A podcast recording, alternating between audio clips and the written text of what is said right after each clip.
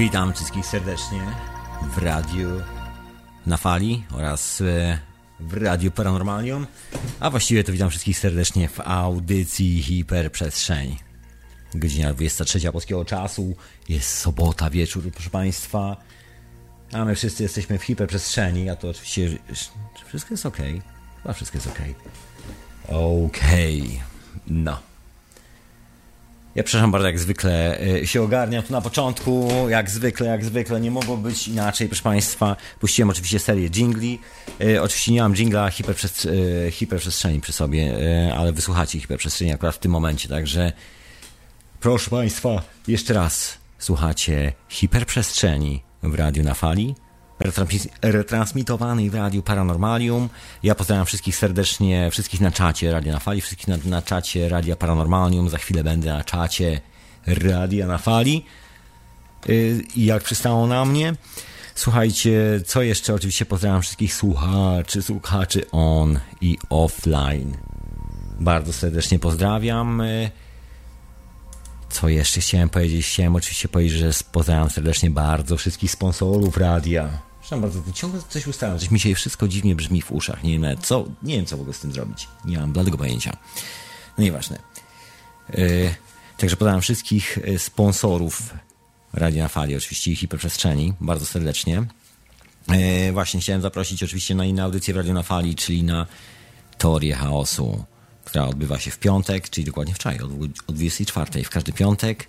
Jutro Lorem Ipsum o godzinie 21. Yy, czyli w niedzielę o 21, a w środę dokładka o godzinie 22. Także zapraszam Was wszystkich serdecznie na tę audycję. Tu się muszę rozgadać troszeczkę. A co dzisiaj? Dzisiaj, proszę Państwa, dzisiaj właśnie. Dzisiaj, słuchajcie, dzisiaj historia pewnego pisarza, troszkę o cywilizacji, o. To może ja zacznę od takiego cytatu, który jest przypisywany temu pisarzowi. Ja bardzo lubię ten cytat. Jest cytowany przez wielu i generalnie brzmi to mniej więcej tak, że to, co nas przeraża najbardziej, to fakt, że dookoła jest więcej niż jesteśmy w stanie to opisać i e, no, generalnie jest więcej niż mniej. I to jest bardzo przerażające, że są sny, że wszystkie te rzeczy. I de, tego dotyczy ten cytat. Cytat pochodzi e, e, od Carlosa Castaniedy. Jeżeli ktoś z Was słyszał kiedyś o książce nauki Don Juana, Don Juana, Juan, nie wiem jak to się poprawnie wymawia. Nigdy nie wiedziałem. Ale mniejsza o to, słuchajcie. E, dzisiaj o Carlosie Castaniedzie. Nie tylko o Carlosie Castaniedzie, będzie o też kilku innych sprawach dookoła, dookoła tej książki bo w ogóle dzisiaj będzie granie troszeczkę o książce, która ujrzała światło dzienne w 1968 roku. Nazywa się właśnie Nauki Don Juana. I tam, tam ta książka w ogóle zmieniła wiele rzeczy. Ta książka, ale to wszystko, i to wszystko wydarzyło się w Ameryce. Ale to wszystko tak naprawdę ma jeszcze korzenie z. Och, moi drodzy, to nie jest wcale taka młoda sprawa. I to nie są lata 50. ani 60., tylko możemy się nawet cofnąć wcześniej. Co to ma wspólnego w ogóle z nami? Z życiem, słuchajcie, co to ma wspólnego? Jest taka znana, stara legenda w greckiej mitologii o pudełku Pandory. Nie wiem, czy znacie tą historię. Dobra, szybko wam powiem. Lubię bajki, także zaczniemy się od takiej opowieści bajkowej. Słuchajcie, kiedy y, Promete... Jak to było, jak to było? Właśnie. Słuchajcie, w greckiej mitologii Pandora była pierwszą kobietą na Ziemi. Zeus e, zarządził e, jednego z bogów, który się nazywał Hepestetus, czy jakoś tak. Kurde, ja zawsze mam z tymi nazwiskami problemy. No mniejsza o to zajdzie. nie poprosił jednego z bogów o to, żeby Boga tworzenia, o to, żeby stworzył po prostu tą pannę. No i on granie do drogi oczywiście stworzył tą pannę używając wody i ziemi. I tak powstała kobieta w greckiej mitologii. No i bogowie bogowie oczywiście ofiarowali wiele talentów. Atena oferowała jej ubranie, Afrodyta dała jej piękno i urodę, Hermes e, dał jej e, fantastyczną umiejętność erudycji, mowy. No i generalnie, kiedy Prometeusz buchnął ogień z nieba, no to Zeus, Zeus żeby się zemścić na nim, wymyślił taki pomysł, żeby podarować Pandorę jako prezent jego bratu. No, Pandora była ponoć nieprzeciętną kobietą, także podarowano tą kobietę jako no właśnie, ale nie podarowałem tylko i wyłącznie kobiety, podarowano ją z pudełkiem, bo ona dostała od bogów pudełka, a w pudełku, a w pudełku nikt nie wiedział, co było w pudełku, ona miała, ta, miała za, za zadanie nie otwierać nigdy tego pudełka. Nigdy. Pudełko miało zostać zamknięte, bogowie jej dali, ona miała się opiekować właśnie tym i pilnować, że pudełko nigdy nie zostanie otworzone.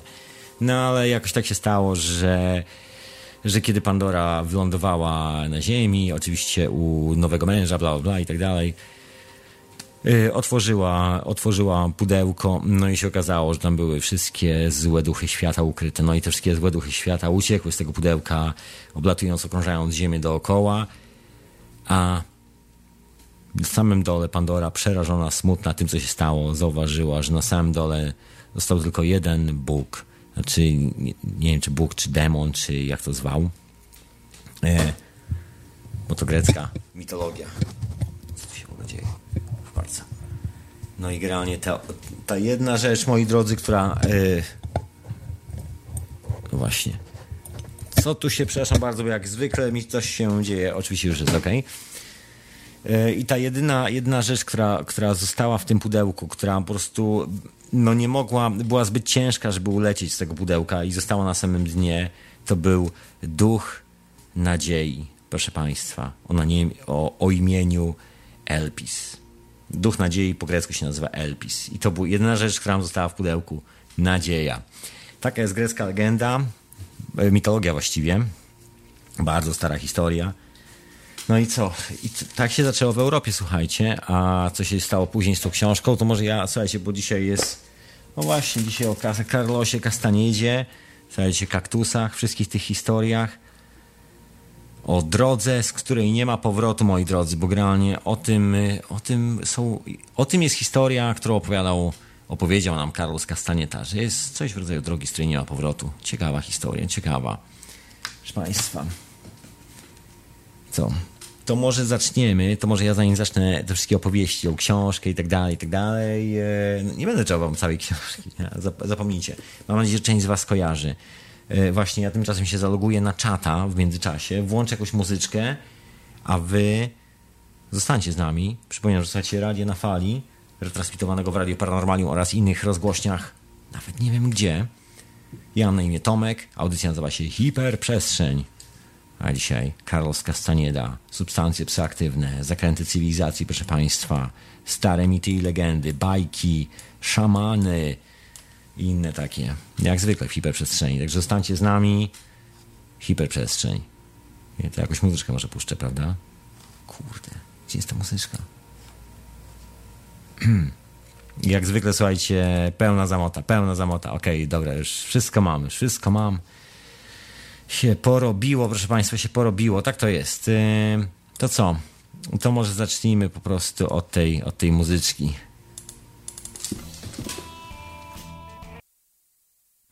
No właśnie, no właśnie, wysłuchacie hiperprzestrzenia, to już oczywiście się ogarniam z tym wszystkim, bo jak zwykle się zagubiłem w tych wszystkich notatkach, włączając czata i tak dalej, i tak dalej, wszystkie historie.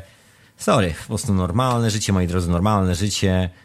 Dużo guzików, dużo rzeczy na ekranie do klikania. Jeszcze muszę przez chwilę przeklikać to wszystko.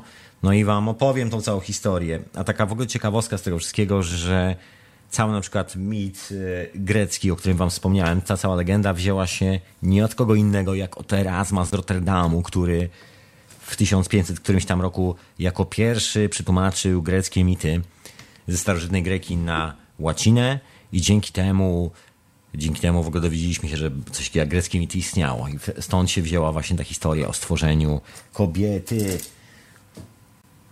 czyli Pandory jak na ironię, słuchajcie, mieszkanie, właściwie posesja, na której mieszkał e, nasz dzisiejszy bohater, Carlos Castaneda, nosi dokładnie, znajduje się w Los Angeles i nosi dokładnie to samo imię. Też nazywa się Pandora. A ja tymczasem, właśnie, ja tymczasem, bo tu się oczywiście jak zwykle w tym wszystkim pogubiłem, włączam jakiś las, bo przecież musimy pójść do lasu, przecież nie będziemy tak bez lasu, że tak powiem. Yy, bez lasu. Chciałem powiedzieć, bez lasu. To już włączam, włączam las, włączam wszystkie rzeczy, bo mam troszkę takiego wyjątkowego dźwięku na dzisiaj dla nas wszystkich. Yy, no właśnie, mówiłem. Nie, nie mówiłem. Dzisiaj będzie trochę wyjątkowego dźwięku. No dobra, to już powiedziałem. Dobra. Słuchajcie, to może zacznę od, y, od takiego bardzo ciekawego, od takiego bardzo ciekawego momentu w książce, którą, którą napisał. W ogóle historia książki, którą napisał Carlos Castaneda. Słuchajcie, kim był Carlos? Carlos nie urodził się w Ameryce, Carlos urodził się gdzieś tam na, w południowej Ameryce, bodajże w Peru, czy jakoś tak. Y, w tysiąc, przepraszam, tu będę się posiłkował troszkę notatkami, w 1025, 1925 roku. No i generalnie w, w Peru, tak? W Peru. No i zmarł w 1908 roku. E, ale mniejsza o to, słuchajcie, kiedy y, wróćmy do tego, co się działo w latach 50., bo to jest najważniejszy moment. Generalnie Carlos y, razem z rodzicami przeprowadził się chyba, czy jeszcze bez rodziców? Chyba tylko jako student. O, przepraszam bardzo. Jejku, już sobie wszystko przypomniałem. Dobra, okej. Okay. Więc Carlos po koledżu przeprowadził się do Stanów na studia, żeby studiować po prostu w Ameryce. No i zaczął studiować antropologię w tej Ameryce. No jak zaczął studiować, to były lata 50., lata, początek lat 60. właściwie uderzenie, eksplozja, proszę ja was. Y, gdzie tu jest mój las? Gdzie jest las, proszę państwa? No, z powrotem. Od razu mi lepiej, od razu lepiej w lesie. Więc lata 60. Oho, to właśnie to, to, to, to trochę inny las, to trochę inny las, tamten las za parę chwil, a my wracamy już do naszego lasu. No. No więc Carlos przyjechał do Stanów na studia, no i został antropologiem. No i jako, że w tamtych czasach, e, w tamtych czasach bardzo inspirujące i bardzo modne były substancje psychoaktywne, to zabawne, jak, jak dzisiaj się to mówi, słuchajcie, to brzmi naprawdę dziwnie, bo nam się wydaje, że substancje psychoaktywne są na przykład teraz popularne, że są no, że są takie znane, że wszyscy o tym wiedzą i że w ogóle to jest takie super, super dupa. Jak się okazuje, moi, moi mili i kochani słuchacze, w dzisiejszych czasach to w ogóle żyjemy w czasach takiej ekstremalnej prohibicji.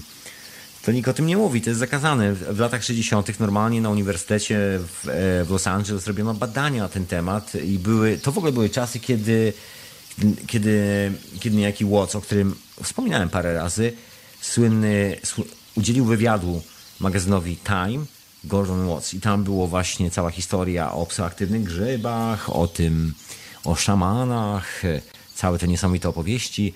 No i one tak zapaliły to pokolenie. No to jeszcze były czasy LSD, praktycznie słuchajcie, działo się tyle, że uhuhu. No wyobrażacie sobie opisy na przykład tripów LSD w magazynie Times? To trochę jakby na przykład kanał Discovery w dzisiejszych czasach. Zapomnijcie. Ogóle żyjemy w czasach kompletnej reżimu po prostu propagandy. Reżimowej propagandy. Wtedy było troszkę inaczej.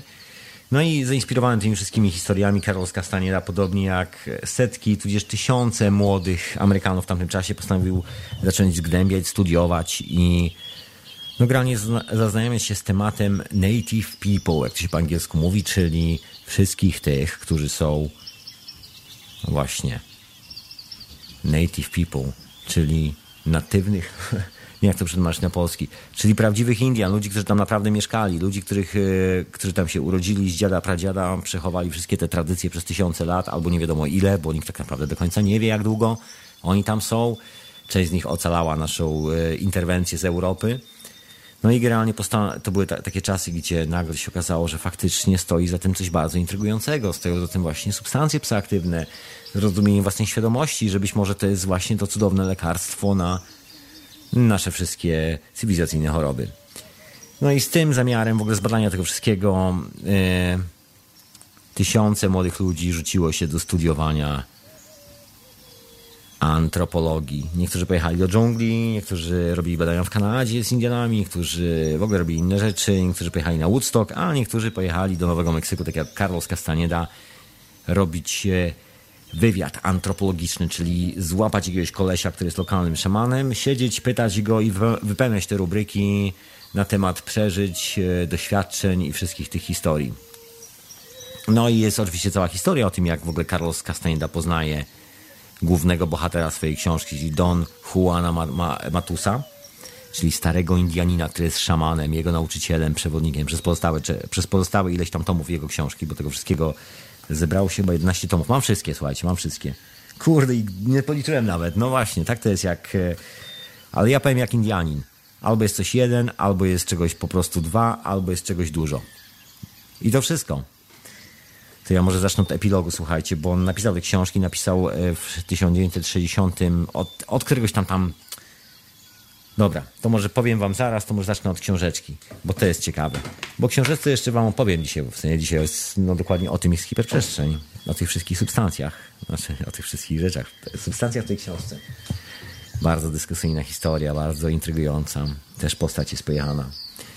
Przypominam, że znacie hiperprzestrzeni, moi drodzy, w radiu na fali. Ja przypominam, że będziecie sponsorować, sponsorować, wrzucać monety, żeby nie było tak, że na przykład ktoś y, musi postawić mi kawę. No nie musi, ale fajnie by jakby ktoś postawił mi kawę do... Bo czemu nie? Także zapraszam do zafundowania prowadzącemu, czyli mi kawki yy, w dziale sponsoru. Ja przypominam, że audycja oprócz tego, że w hiperprzestrzeni jest jeszcze w Radiu Paranormalium i innych radiach, retransmitowana głównie w Paranormalium, a później jak i do gdzieś tam nawet naziemnych radii. Dobra. Yy, to ja czytam ten koniec, słuchajcie, bo napisał tę pierwszą książkę i drugą i mi się wydaje, że właściwie koniec drugiej książki, epilog z tej drugiej książki jest taki, jest bardziej istotny od pierwszej książki, którą napisał, która zrobiła najwięcej zamieszania. Ale o tym wszystkim, o tym wszystkim później. To może zacznę od przeczytania po prostu i tyle. Mm. Don Juan powoli oprzedł mnie dookoła. Zdawał się za, zastanawiać, czy mi coś powiedzieć, czy nie. Dwa razy się zatrzymywał, ale zaraz zmieniał zdanie. Wrócisz czy nie wrócisz, to absolutnie bez znaczenia, powiedział w końcu. Niemniej jednak odczuwasz już potrzebę życia jak wojownik. Wiedziałeś to zawsze. Teraz jesteś po prostu w tej sytuacji, w której musisz się posłużyć tym, co przedtem lekcjoważyłeś.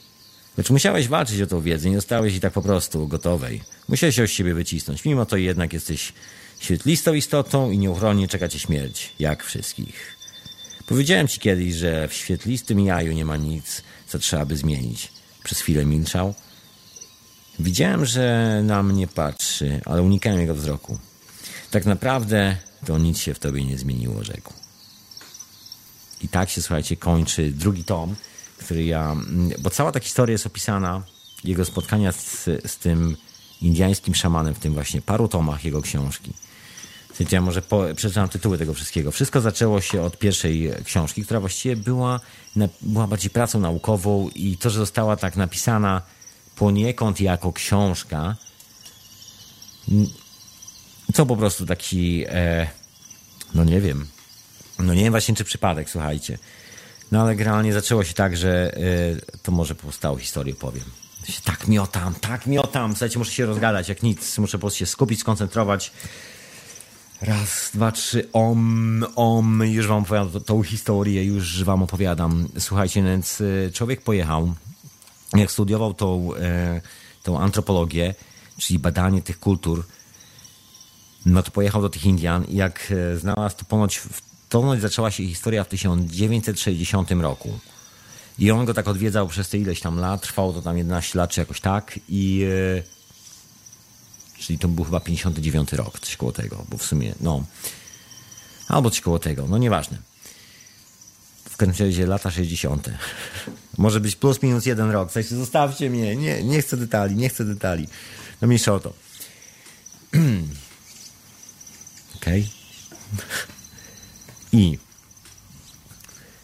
i ponoć trwało to parę lat. Zebrał to wszystko w notatki i te wszystkie notatki opublikował w 1968 roku książce. I to właściwie nie była książka, tylko taka praca naukowa na temat właśnie antropologii i tak dalej. Dosyć drętwe są napisane. Jeżeli ktoś z Was czytał, polskie tłumaczenie jest w ogóle już e, moim zdaniem bardzo drętwe. A oryginał w sumie też jest drętwy, także taka naukowa praca, gdzie wszystko jest tak opisane takim naukowym językiem takiego naukowca, który tutaj przez szkiełko i oko się przygląda, co tu ten szalony Indianin robi, że i zadaje mu dziwne pytania, a ten i nie w ogóle nie chce zrozumieć, o czym mówi ten Indianin.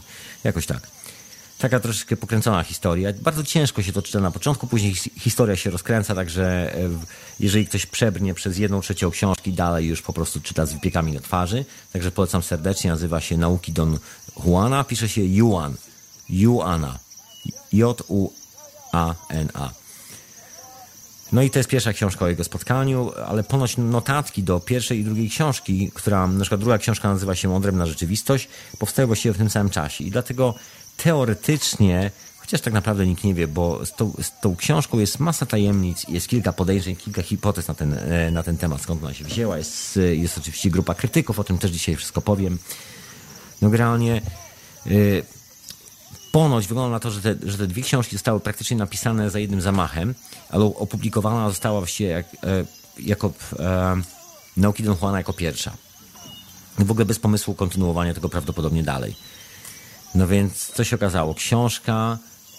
E, to w ogóle była tak, jest taka zabawna historia, że ponoć e, Castaneda, jak wszedł do swojego wydawcy uniwersyteckiego, to, e, to rzucił mu ten, tą książeczkę na stół i rzucił zdanie pod tytułem Słuchaj stary, przeczytaj ten kawałek gówna, który napisałem. Ponieważ dokładnie tak powiedział.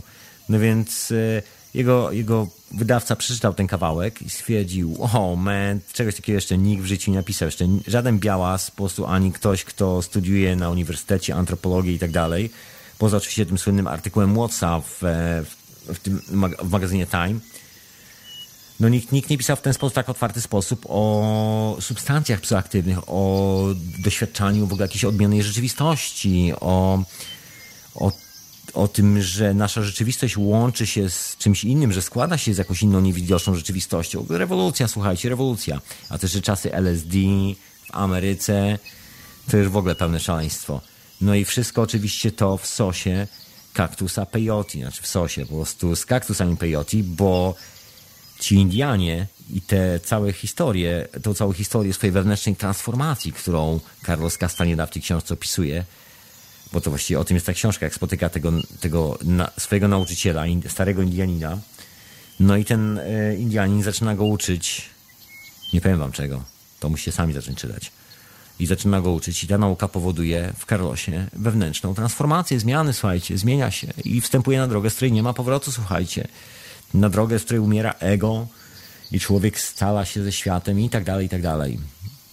No i oczywiście no pomysł był tylko taki, żeby pojechać i robić po prostu wywiady z, z Indianami, tak e, po kolei, po prostu zebrać grupę szamanów, tak zwyczajnie, spisać, e, spis, i spisać, spisywać po kolei wszystkie te legendy, które ci szamani e, opowiadają. No ale jak spotkał Don Juana, no to się okazało, że ten go namówił na to, żeby po prostu, że no nie będzie mu nic opowiadał, że musi uczestniczyć, musi po prostu wziąć udział w ceremonii. Jeżeli weźmie udział w ceremonii na przykład rośliny, które, święte rośliny, duch roślin powie, bo właściwie duch roślin, powie, że stwierdzi, że Carlos się nadaje na to, żeby powierzyć mu te tajemnice, no to będzie się nadawał i te tajemnice zostaną powierzone. Natomiast jeżeli nie, no to of here, Także w ten sposób sprawa, dosyć brutalnie, twardo potraktowana, w ogóle cały jego nauczyciel, jak postać jego w ogóle nauczyciela jest dosyć, jest bardzo ciekawa przede wszystkim. Słuchajcie, ja nie chcę wam opowiadać książki, bo nie chcę wam zabić po prostu frajdy z czytania, a książka jest naprawdę rewelacyjna, polecam każdemu.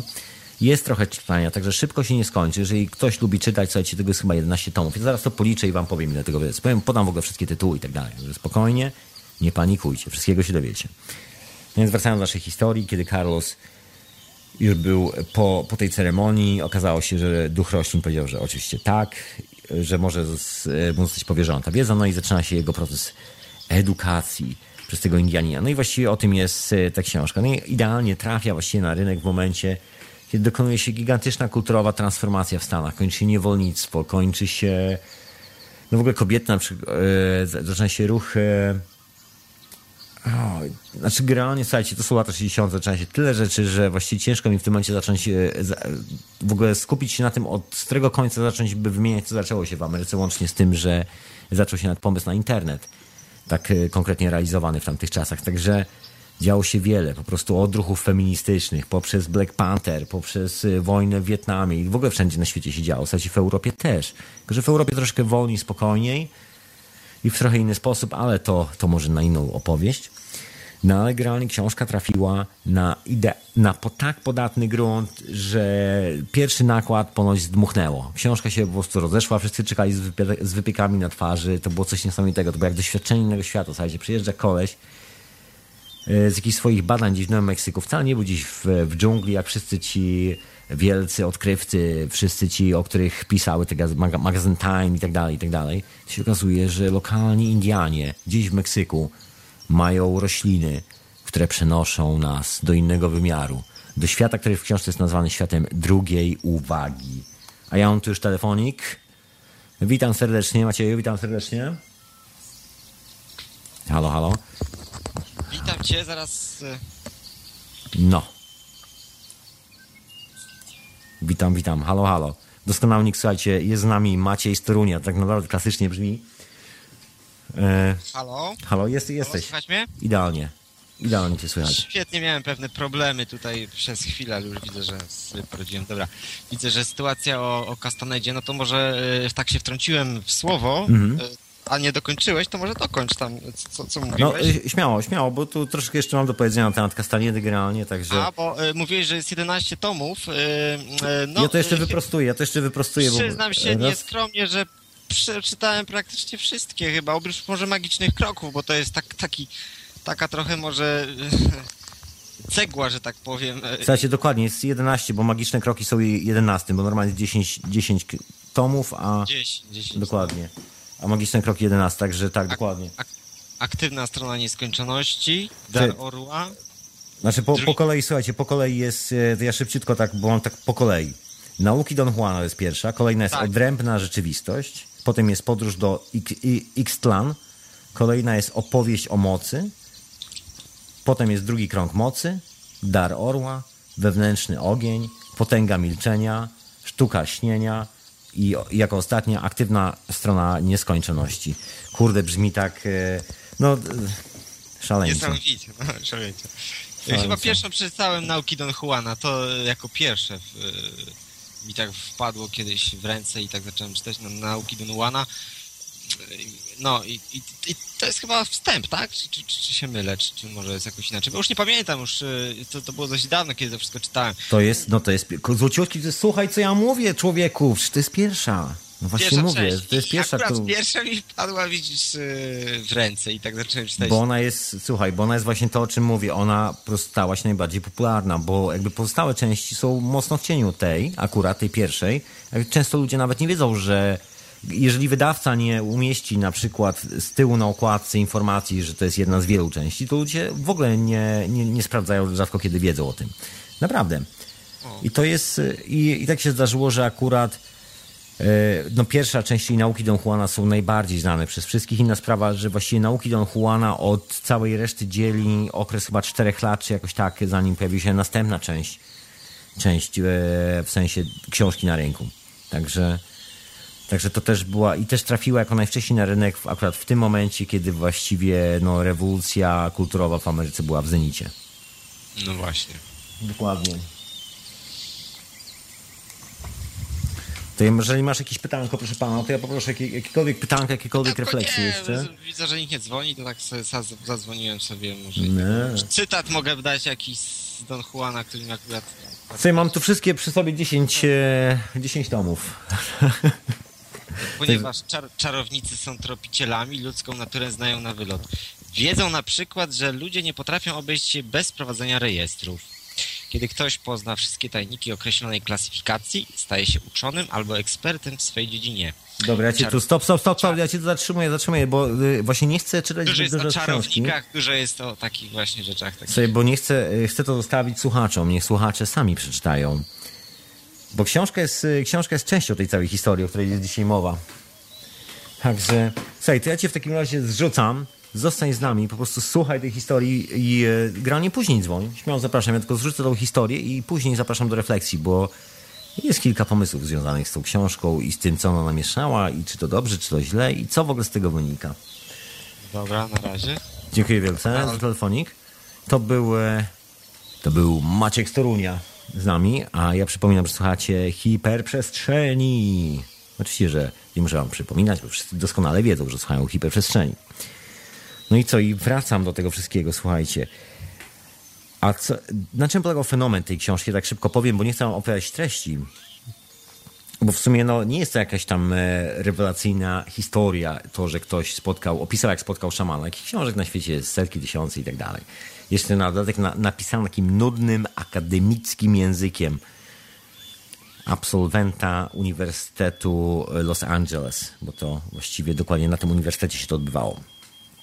E, no i co takiego rewolucyjnego? Do tej pory, słuchajcie, wszystkie te rzeczy po raz pierwszy tylko William Burroughs opisał, przepraszam, nie William Burroughs, tylko właśnie O, to właśnie ten artykuł w Time Magazine był, był jedynym, gdzie autor artykułu wziął substancję i opisał swoje wrażenia. No ale to tak opisał z zewnątrz, jako człowiek, który został poczęstowany, a to pierwsza, pierwsze takie naukowe, oficjalne podejście, bo to było sprzedane w sumie jako taka no, naukowa książka. No nie, co tu, no, to nie ja wymyśliłem, słuchajcie, tak się po prostu stało, zostało, ten kit został sprzedany, naprawdę, bo to zostało sprzedane, bo to, to był kit, że to jest po prostu naukowa książka. On sobie napisał po prostu pracę, na, to był do, właściwie dodatek, notatki z pracy i Słuchajcie, jak zaczniecie czytać, e, jak zaczniecie czytać tą pierwszą książkę, bo ja nie chcę wam po prostu psuć całej zabawy z czytaniem tej książki e, Carlosa Castanier. Tam jest wszystko opisane na początku, jak w ogóle książka powstała, co, co w ogóle było motywacją, jak były zbierane materiały, bo tam to wszystko jest, także, nie, także chcę was oszczędzić tutaj do tego. Generalnie wszystko to zaczyna się właśnie na Uniwersytecie w Kalifornii w latach, na początku lat 60. No i no i co takiego rewolucyjnego? To, że został dopuszczony i opisał drogę, ten proces edukacji czyli coś, do czego żaden biały, żaden w ogóle naukowiec nie został dopuszczony z zewnątrz. Dawniej to po prostu wszyscy przyglądali się temu z zewnątrz i to były spekulacje naukowców na temat, co Indianie robią, co Indianie myślą, jaki jest sens tego, jaki jest sens tamtego. Czyli okazuje, że jest koleś, który dostąpił zaszczytu i jest uczony przez tych Indian, co właściwie te wszystkie rzeczy oznaczają. No i napisał o tym książkę. No i książka jest na tyle, yy, na szczęście, jeszcze przystępnym językiem napisana, oprócz tego, że jest takim pseudo troszkę naukowym, to znaczy nudna jest, takim akademickim po prostu może tak, bez polotu, o, no powiem tak, Carlos, e, Carlos bez polotu książeczka, bez polotu kompletnie, ale fajnie się czyta. Później się rozkręca, po prostu widać, że też człowiek się uczy pisania w trakcie, w trakcie pisania kolejnych książek. To takie jak ja z mówieniem w radiu. Nie to, że był drugim Carlosem, dajcie spokój, dajcie spokój, jestem skromnym człowiekiem. No więc Carlos y, zrobił ten myk i opisał te wszystkie wrażenia. No i to zrobiło taką rewelację. Yy, ta przystępność tego języka była na tyle wystarczająca, że każdy poczuł się dokładnie jak ja przed sekundą, czyli każdy poczuł się kumplem Carlosa, każdy poczuł się Carlosem wewnątrz, każdy z nas, każdy z nas jest Carlosem, słuchajcie. No i skoro każdy z nas jest Carlosem, każdy, każdy poczuł się czarownikiem i każdy chciał spróbować kaktusa peyote, każdy chciał spróbować doświadczyć drugiej strony nieskończoności. To się nazywa w książce w bardzo fajny sposób, bo to jest tłumaczone z, z indiańskiego języka i to się nazywa. O moi, moi drodzy, moi drodzy, jak to się nazywa? Jak to się nazywa? E, świat drugiej uwagi, oczywiście. Świat drugiej uwagi. Odrębna rzeczywistość. Hmm, hmm. No i taka historia. A ja to oczywiście dzisiaj jestem przygotowany z muzyczką, proszę Państwa, także Także y, ja robię drobną przerwę od całego tego gadania i proszę Państwa, muzyczka. A muzyczka jest, że tak powiem, specjalnie do dzisiaj, bo muzyczka jest, y, pochodzi właśnie. Gdzie to jest? Gdzieś se, y, muzyczka pochodzi z rytuału kaktusu, kaktusa peyote. Dokładnie. Jest. Ale to nie są ci sami ludzie, którzy z Carlosem Castaniedą, tudzież ich dziadkowie wyrzucali kaktusa. To troszkę inni Indianie, ale też e, i trochę inaczej tego kaktusa zjadają i trochę inaczej, bo te ceremonie z kaktusem peyote są zupełnie inne, może nie zupełnie inne, ale każdy robi to trochę inaczej. O czym później jeszcze troszeczkę powiem. Także to może co? To posłuchamy, nie? Bo tu jest, e, tu jest troszkę tak, że ja muszę to ustawić, bo to jest taki długi kawałek, który ma tam, bo oni tak śpiewają przez e, no tak grubo ponad pół godziny. No i ja tu oczywiście mam wszystko wynotowane dla nas i słuchajcie, no to jest numer, którym poniekąd ceremonia się rozkręca. Tak to się rozkręca, słuchajcie. To jest, to jest taki sam początek. Można czuć mrowienie w rękach. Hey no way, hey no way, hey no way,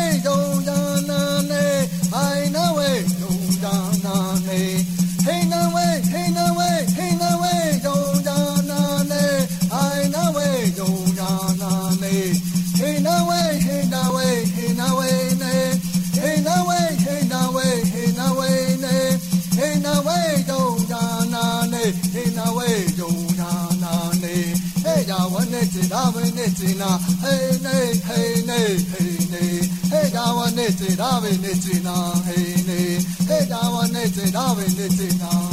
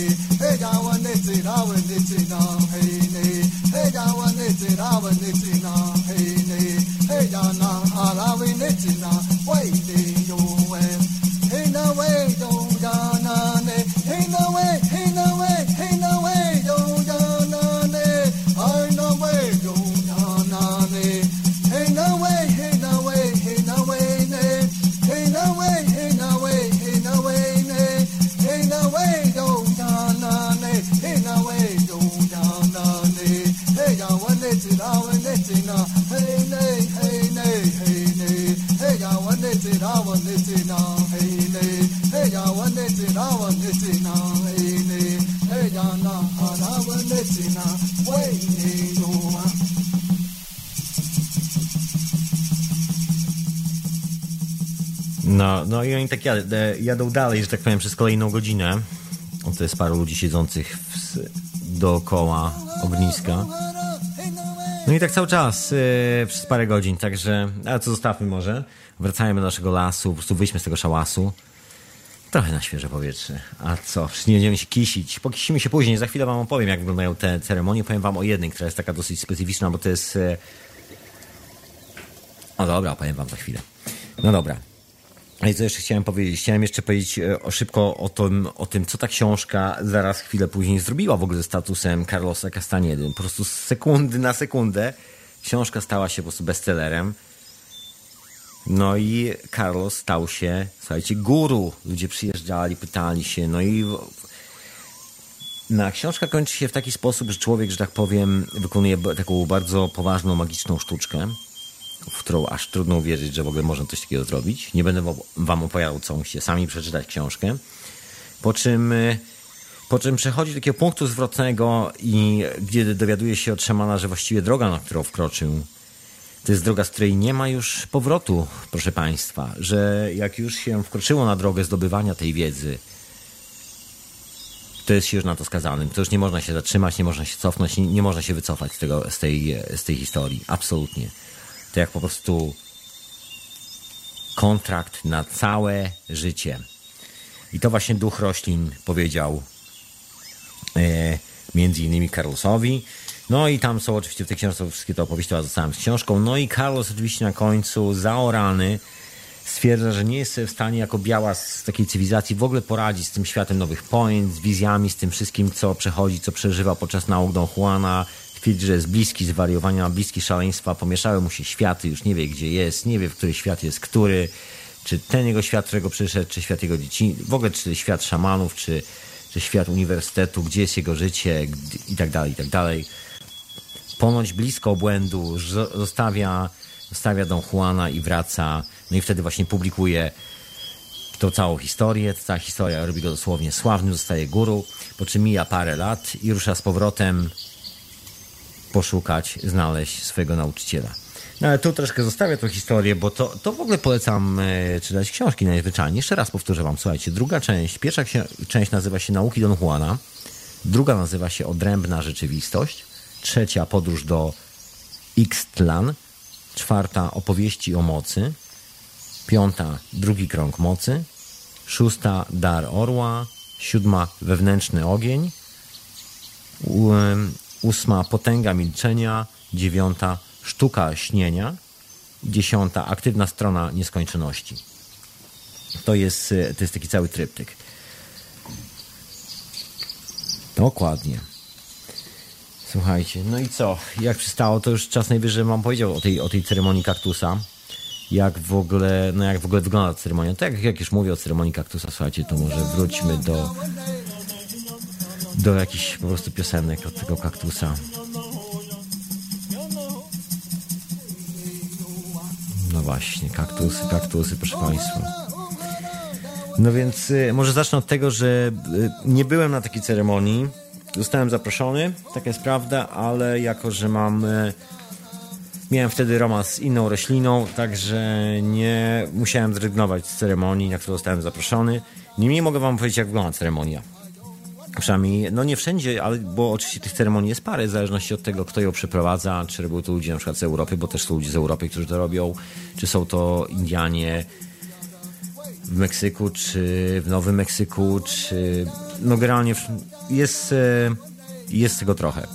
W ogóle jest coś jak nawet kościół kaktusa peyote zarejestrowany w Stanach Zjednoczonych, który jest z, od 1986-96 roku jest kompletnie legalnie i, i generalnie każdy może ubiegać się o przystąpienie do tego kościoła oczywiście.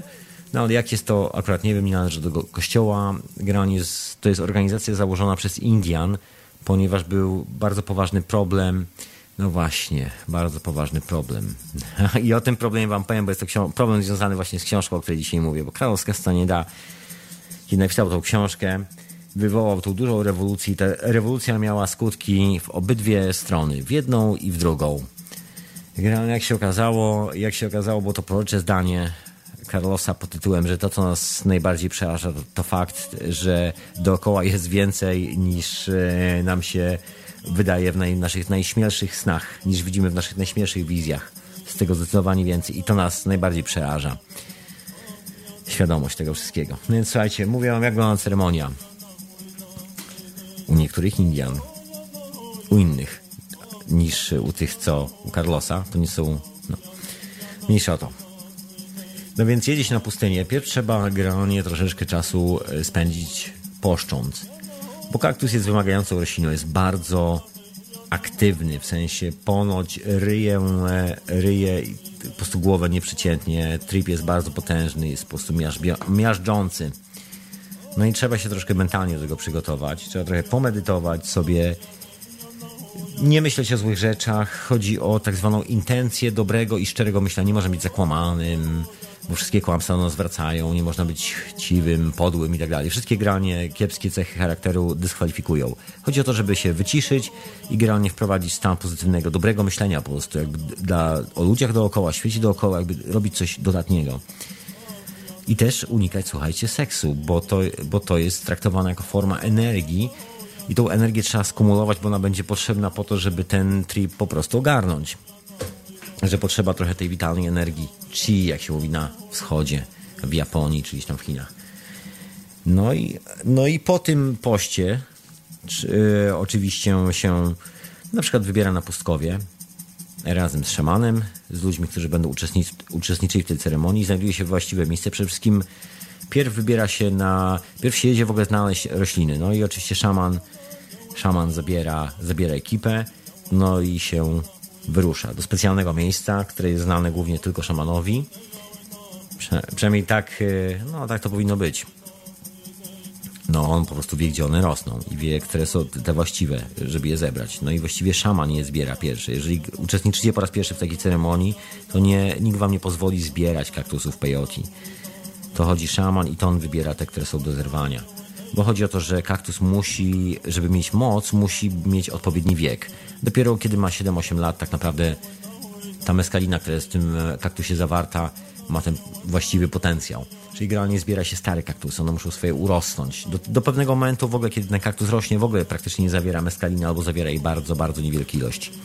Także 7 lat minimum, to też trochę jak taki e, złoty podział, prawda? Złota proporcja. Jest coś w tym e, niesamowitego. No dobra, wracajmy do, do historii. No i e, kiedy kaktusy są już zebrane, one są zbierane do woreczka. Bo one są w ogóle, e, w ogóle kaktusy szanuje się jak ludzi przede wszystkim, bo kaktus jest, no jest, jest jak osoba. To jest, ma swoją duszę, mówi się do nich. To nie jest tak, że można po prostu podejść i wyrwać łopatą. To trzeba z dużym szacunkiem granie do rośliny bo w, bo w kaktusie mieszka duch roślin, jak mówią Indianie.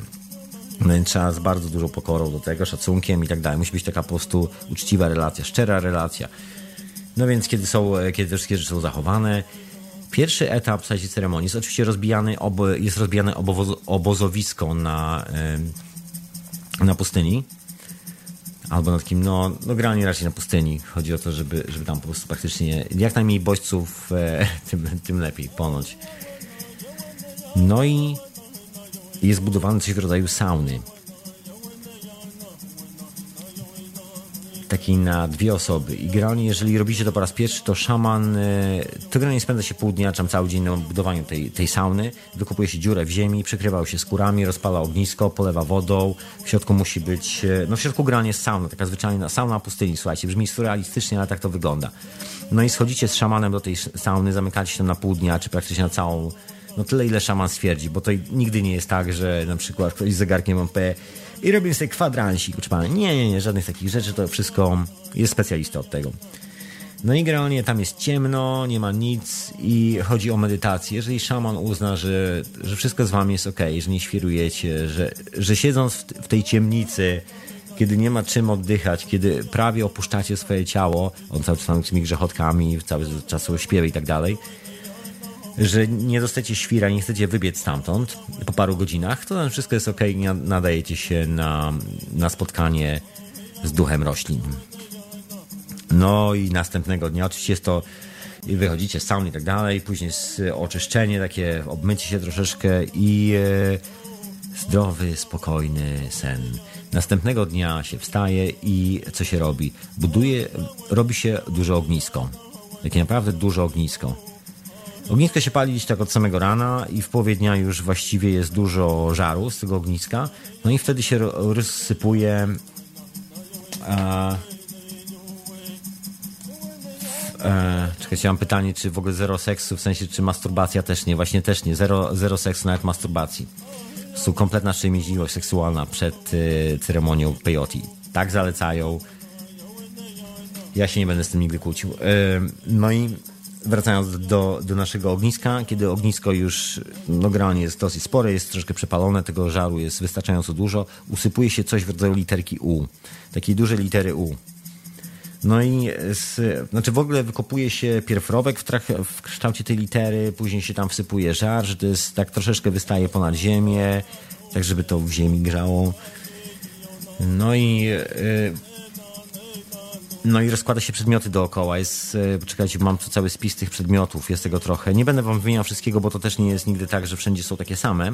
Czekajcie, bo muszę to oczywiście otworzyć, bo sobie pozamykałem te wszystkie rzeczy. No generalnie jest kawałek tytoniu, kawałek takich grzechotek, kawałek czegoś tam. Tak pozbierane po przedmioty, one mają swoje specjalne miejsce, w którym leżą w tym szałasie. Aha, bo dookoła oczywiście tej podkowy, która jest usypana z żaru w ziemi, stawia się szałas, takie gigantyczne tipi, naprawdę bardzo duże. No i generalnie ten żar zaczyna ogrzewać to tipi, że w nim się robi idealna temperatura, w ogóle, że on robi się właściwy vortex energetyczny. Tak można to wytłumaczyć. E, okej, okay, czekajcie, że wam mówię, co... O, man, to nie jest to. Czekajcie sekundę, już... E, jest... Gdzież to jest? Gdzież to jest? Wam tu właśnie spis przedmiotów, mam tak z ciekawości, żebyście się dowiedzieli, co mniej więcej ci Indianie sobie biorą do tego namiotu. No i się generalnie... No i co? Aha, właśnie, no i co dalej z tym wszystkim? Czekajcie. Mam tutaj? Mam. Oczywiście, że mam. Dobra. Słuchajcie, yy, kawałek tytoniu, kukurydzy. Oczywiście jest człowiek, który bębni. Jest tak zwany road chief. Yy, jest kawałek... Yy, grani są właściwe postaci. Każdy ma każdy ma swoją... Yy, są takie osoby, które muszą być na przykład podczas podczas tej ceremonii, tak jak na przykład człowiek, który jest, który rozpala ogień, e, kolejny człowiek, który na przykład, no w ogóle generalnie jest kilka takich funkcji dookoła tego. Nie, nie jest to uroczystość, którą się robi tylko i wyłącznie w pojedynkę. Znaczy można, ale generalnie taka pierwsza ceremonia jest, jest bardziej takim społecznym, że tak powiem, wydarzeniem, towarzyskim wydarzeniem. No co tam jeszcze jest? Jest specjalny kij do tego, żeby grzebać w tym żarze, bo nie można oczywiście byle jakim kijem grzebać. Jest specjalnie dedykowany. Generalnie wszystko ma swoją energię, wszystko ma swoją dedykowaną, swoją dedykowaną rolę. Nie jest tak, że że można sobie przez przypadek coś tam po tak zrobić. I to wszystko ma swoją tradycję, ma swoje wyjaśnienia. Tu wam nie będę opowiadał tego wszystkiego, bo to oczywiście co, y, co że tak powiem, tribe to inny zwyczaj. Dobra, to jeszcze raz y, te dźwięki. Ja wam mówię dalej, co jest z tą ceremonią. No i generalnie siada się w tym namiocie, kiedy namiot się już wygrzeje i on już jest zbudowany i nagrzany i tak dalej. To bardzo szybko się stawia, to się tak wydaje, że do tipi się stawia, ale to po prostu jak e, to robi parę osób, także to też jest po prostu godzinkę rozstawione. Dookoła ognia, jeszcze dookoła tego ognia usypuje się taki lekki wał od strony, od zewnętrznej strony. No i jak się stawi tipi, to się wchodzi do tego tipi, się siada dookoła, zamyka się tipi i się tak siedzi przez całą noc. A oczywiście zanim się jeszcze usiądzie przez całą noc, to się bierze peyote i się kroi na kawałki. Takie ćwiartki, jakbyście wzięli na przykład, jak się kroi e, lemonkę do drinków na przykład. No, fatalne porównanie, brutalne, ale chyba najłatwiej wam będzie skojarzyć. Takie ćwiartki. No i się zaczyna rzuć takie ćwiartki się żuje pierwszą, drugą, tak, żuje się ileś tam kaktusów. Grałem paskudne ponoć, nigdy nie żyłem, ponoć sztywnie je gęba od tego język. No ponoć nie jest to miłe wrażenie, ale, ale to nie o to chodzi. No i zaczyna się rzucie, no i jak człowiek tak zacznie rzuć, zacznie przeżuwać, to yy, zaczyna, zaczyna się no zaczyna się cała historia, słuchajcie, i trwa do białego rana. Wszystko w tym namiocie. No i ogień cały czas, ten żar, w, w żarze pojawiały się wizje właśnie patrząc w tą podkowę, tam widzimy wizję. To jest to miejsce, gdzie materializują się nasze myśli. Czasami musimy wyjść z namiotu. To różnie bywa, to zależy od, od szamana, od ceremonii, od tego, jak to jest robione. Różnie, słuchajcie, są na przykład Indianie, którzy robią bardzo ciekawą rzecz, bo większość, większość ludzi po prostu zjada peyote. Po prostu się bierze peyote i zaczyna rzuć i się żuje, i się żuje, i się żuje, i się żuje. Meskalina środku, tak to się nazywa. No i no i e, moi drodzy, i tak to wygląda.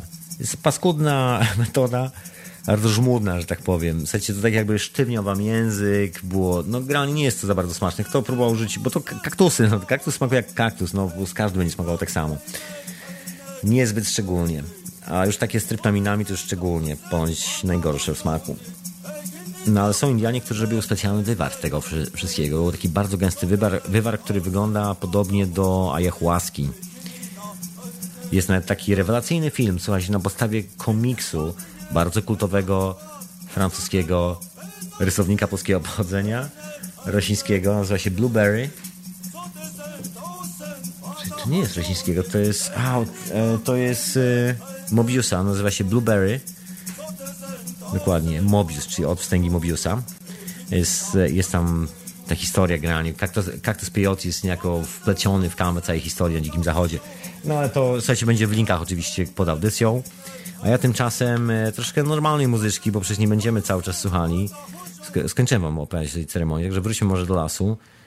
Zostawimy śpiewy na inną okazję. Na inną okazję, moi drodzy, kiedy będą naprawdę praktyczne. A właśnie z tymi śpiewami w ogóle do peyote jest tak, że każdy musi zbudować swoją własną piosenkę. A to, to nie jest tylko do peyote, to w ogóle z wieloma substancjami psychoaktywnymi, które są bardzo mocne. Jest bardzo podobna historia, że trzeba sobie zbudować swoją własną piosenkę, która będzie nas prowadziła przez tripa i kiedy będziemy się czuli samotni, opuszczeni, będziemy myśleli, że nasz, że szalejemy, że po prostu już oszaleliśmy, że już nigdy nie wrócimy do normalnego stanu świadomości umysłu, że już zwariowaliśmy, że już po nas umarliśmy. To człowiek zaczyna sobie nudzić ja, ja, ja i zaczyna wracać do siebie. I nagle, wow, zaczyna opanowywać swoje lęki, strach i tak dalej. Właściwie o tym jest ta ceremonia, to jest taki wydźwięk terapeutyczny. Co oczywiście, jak doskonale, jeżeli słuchacie audycji Hiperprzestrzeń, doskonale wiecie, chociażby z rozmowy z, Kubą, z Kubą Babickim, że są i szamani od leczenia, i szamani od bycia szamanów, i od podróży, także to też ma swoją rolę. Peyote też ma różne role. Także to też nie, nie jest tak, że peyote tylko ma jedno i tylko jedno, że tak powiem, jeden sposób używania i tylko jedną rolę w, do robienia. Nie, nie. To trzeba w ogóle. Słuchajcie, tego jest naprawdę troszeczkę. To jest po prostu mocna substancja psychoaktywna, która powoduje, że no, łączymy się, słuchajcie, z, jak mówią Indianie, z duchem roślin i następuje jedna transformacja intelektualno-mentalność, świadomościowa, słuchajcie, zmienia, zmienia, zmienia. Absolutnie zmienia. Yy, znam ludzi po prostu, którzy po prostu używali kaktusa peyote Także no, widać było po ludziach, jak po prostu, jak dużo potrafi taki kaktus. Proszę Państwa, generalnie jest to mocna substancja, bo chodzi o to, że jest to po prostu bardzo mocna substancja. Dlatego to właśnie się robi na przykład na pustyni. Jedną z takich ciekawych historii jest, e, pamiętam była opowieść e, to o znajomym mojego znajomego, człowiek z Meksyku, który tu pracuje w Europie na bardzo poważnym stanowisku, który raz na dwa czy trzy lata, ponieważ jest z takiego regionu w Meksyku, w, leci do Meksyku, do swojego regionu i bierze udział w tej ceremonii peyote, czyli gra, nie pości, nie uprawia żadnego seksu, nie onanizuje się, nie masturbuje przez miesiąc czasu. nie pije alkoholu, w ogóle generalnie stara się żyć takim bardzo, stara się po prostu wyczyścić umysł i ciało, bo generalnie faza jest konkretna i szarpie człowiekiem we wszystkie możliwe strony, także trzeba po prostu być, e, być skonsolidowanym emocjonalnie ze sobą, po prostu wiedzieć kim i skąd i dokąd się e, po prostu jest. No i on tak spędza miesiąc czasu, sobie bierze po prostu urlop długi, no i leci sobie do Meksyku i e, kiedyś stwierdził, że no nie wyobraża sobie nigdy robienia po prostu meskaliny w innym miejscu niż pustynia, ponieważ ilość bodźców, e, które dostarcza ten trip, które dostarcza łączność z tym innym wymiarem, który się pojawia po, po zażyciu właśnie kaktusa peyote jest tak potężna, ta różnorodność się tak robi gigantyczna, że no byłoby to nie, nie do ogarnięcia w miejscu, gdzie jest więcej bodźców niż w pustyni, a na pustyni jest po prostu tylko linia horyzontu i niebo głównie. Także na szczęście jest po prostu tam mało rzeczy. Także on jest, on na że to jest, e, że to jest, e, to, to jest najlepszy powód, dla którego jest to robione, dla którego najlepiej to robić na pustkowiu, na pustyni, na którym praktycznie nic nie ma, po to, żeby nic nie zaczepiało naszej uwagi, ponieważ dzieją się takie rzeczy z naszą uwagą, że ho, ho, no i właśnie między innymi troszeczkę, może inne rzeczy opisał Carlos Castaneda niż te, które wam tutaj opowiadam. Te ceremonie w, w książce, o której, o której mowa, czyli naukach Don Juana, wyglądają nieco inaczej. I rośliny, których używają, to nie jest tylko kaktus peyotis, jest też fajeczka, z której coś tam palą. Jest masa roślin, które w ogóle nie są konkretnie opisane. No i, no i też stąd się wzięły w ogóle różne historie. No i tam jest troszkę inaczej. No ale wróćmy do naszej rzeczywistości. Co się, I co się stało z tą książką? Słuchaj, ta książka spowodowała taką popularność kaktusa peyote, że kaktus peyote został automatycznie, kiedy nastąpił ten boom, razem z LSD i całą resztą przez DA wciągnięty i ONZ na listę substancji zakazanych. Dokładnie, właśnie z powodu tej książki. Ta książka spowodowała taką dużą popularność, że dzieciaki ze Stanów, słuchajcie, jeździły, są takie zabawne strzały filmów dokumentalnych z lat 60. z granicy meksykańsko-amerykańskiej, jak policja zatrzymuje nie wiem, taką grupę dwudziestolatków jedzących dużym, e, starym, zdecydowanym samochodem, otwierał bagażnik, a tam po prostu worki kaktusa peyote, po prostu worki. I do takich dojrzałych, dużych kaktusów. A to jak jest taki na przykład kaktus, który rośnie 14 albo 15 lat, to wystarczy jeden albo dwa. No jest, jesteś, no jestem w innym świecie, słuchajcie, przez dwie doby myślę. Dałoby się, bez problemów. Mocne są, im starsze, tym mocniejsze, im, one nie są duże, w sensie fizycznie, aż tak mocno, czasami się mieszczą w garści, no czasami rosną bardzo duże. No i no i po prostu tej roślina była tak popularna, ta książka tak spopularyzowała to wszystko, że dzieciaki oszalały na tym punkcie, no i to szaleństwo niestety miało to, ten swój negatywny ne negatywny wydźwięk, od razu doczepiła się do tego policja, od razu zostało zbanowane, od razu zostało zabronione i tak dalej, i tak dalej. Cała historia z prohibicją, która jest doskonale wszystkim znana. No i oczywiście ta historia z prohibicją nie tyle, że kopnęła białe dzieciaki, ile najmocniej kopnęła Indian, którzy żyją w Nowym Meksyku, którzy żyją z tym rytuałem od tysięcy lat i to jest część ich kultury. No i się okazało, że na przykład DA zaczęła polowania na Indians, czekając na moment, kiedy na przykład y, nadchodzi sezon jakichś rytuałów, przesileń, specjalnych momentów w kalendarzu Indianów, o czym, o czym y, policjanci dookoła takiego rezerwatu doskonale wiedzą. I zasada była bardzo prosta. Wypuszczano takich specjalnych agentów, których zadaniem było po prostu złapać Indian na ceremonii i automatycznie ich aresztować za używanie nielegalnych substancji psychoaktywnych. Bardzo brutalne zajęcie. Indianie w ogóle się chowali.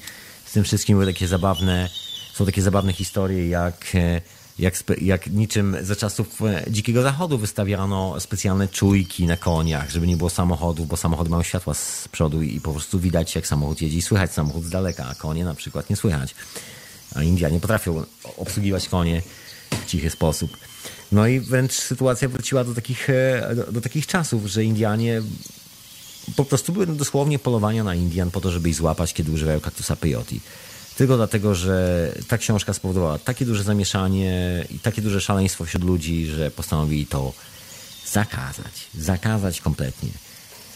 Taka historia. Ale. Dobra. To ja może jakąś muzyczkę dostacie, bo strasznie tutaj troszeczkę, troszkę zastęp. Skoro jesteśmy już przy latach 60., to może coś troszkę w tym klimacie, proszę Państwa.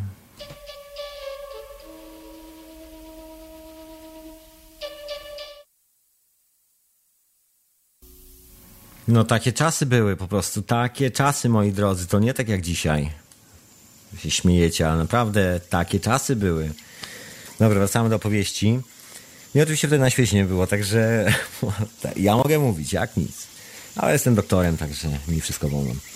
Słuchajcie, no i ta książka w ogóle stała się, bo Karol stał się legendą. Oczywiście po, potem była długa przerwa, książka zrobiła go sławnym, guru i tak dalej. I później pojawiła się druga część, wszystkie pozostałe części książki. No i oczywiście pojawiły się zarzuty. No bo pierwszym zarzutem było to, że oczywiście przez jego książkę zbanowano, e, po prostu Cactus Peyote dołączył na listę substancji zakazanych i że to była dokładnie jego wina. Indianie wszyscy w rezerwatach byli wściekli na niego, jak po prostu, jak tylko można było. Nic dobrego się nie stało.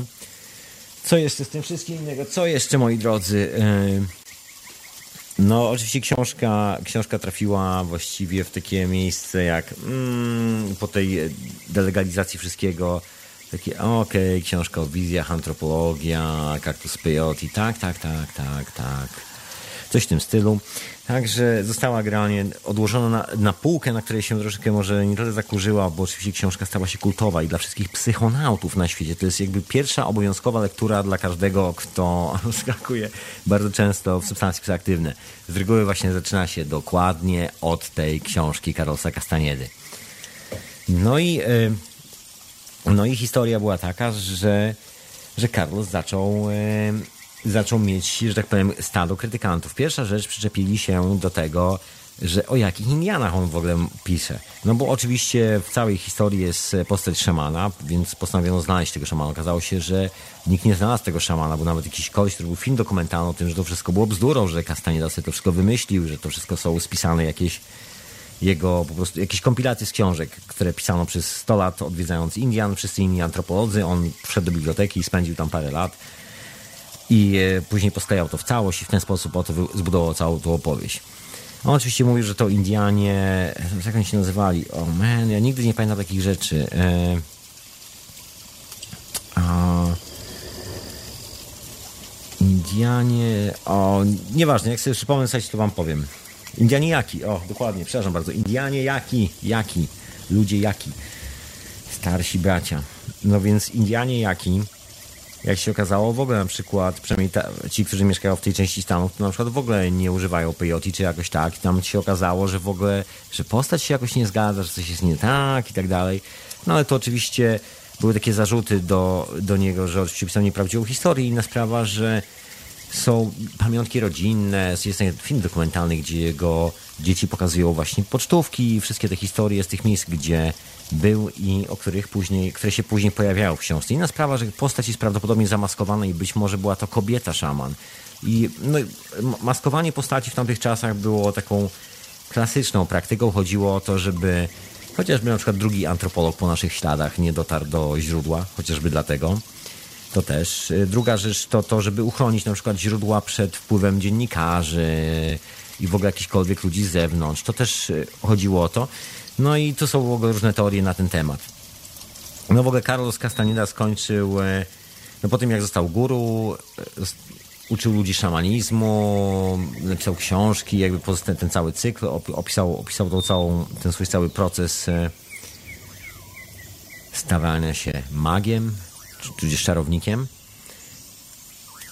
No i w ogóle skończy w bardzo dziwny sposób. To jest w ogóle też do, e, taka dosyć e, tajemnicza historia z pięcioma kobietami, z którym, które go pilnowały dookoła. Taki bardzo nagle porzucił rodzinę i założył coś w rodzaju jakiejś takiej dziwnej sekty, który odizolował się od świata. Później się okazało, że był chory na raka i jakieś takie dziwne rzeczy.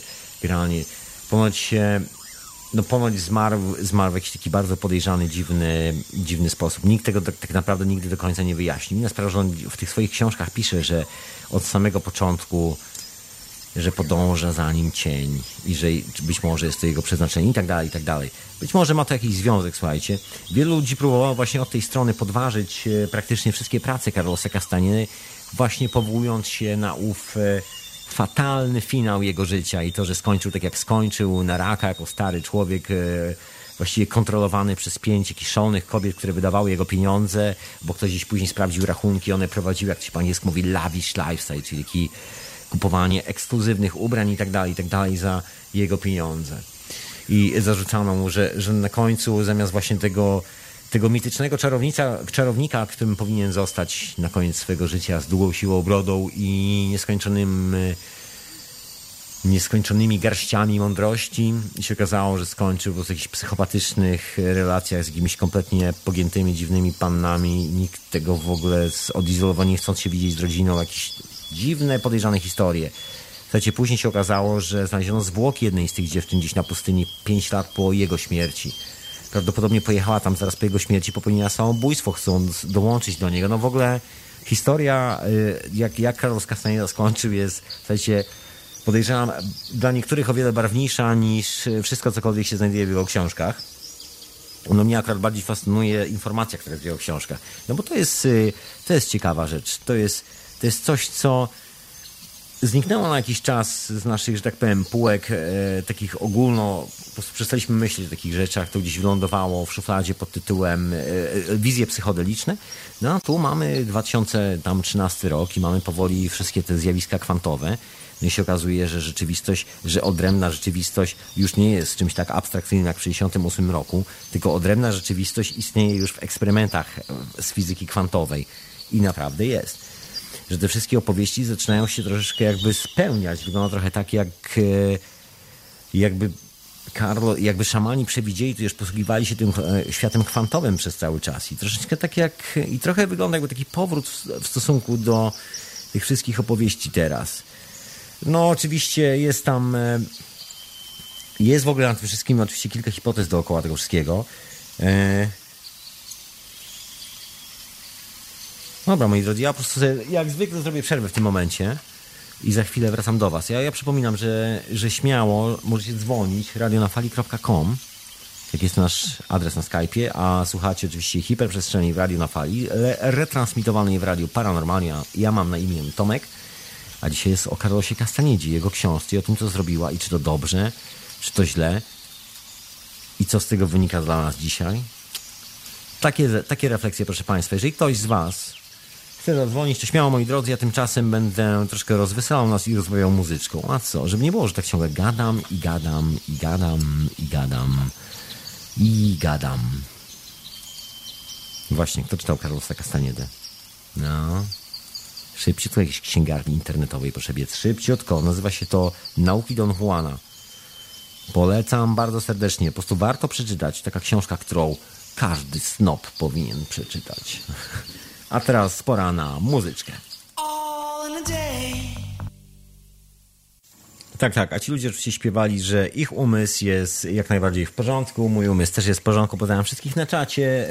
E, było tam pytanie, kim doktorem jestem. Oczywiście, że jestem tym właściwym doktorem, jeżeli ktoś ma z tym problem. Dokładnie.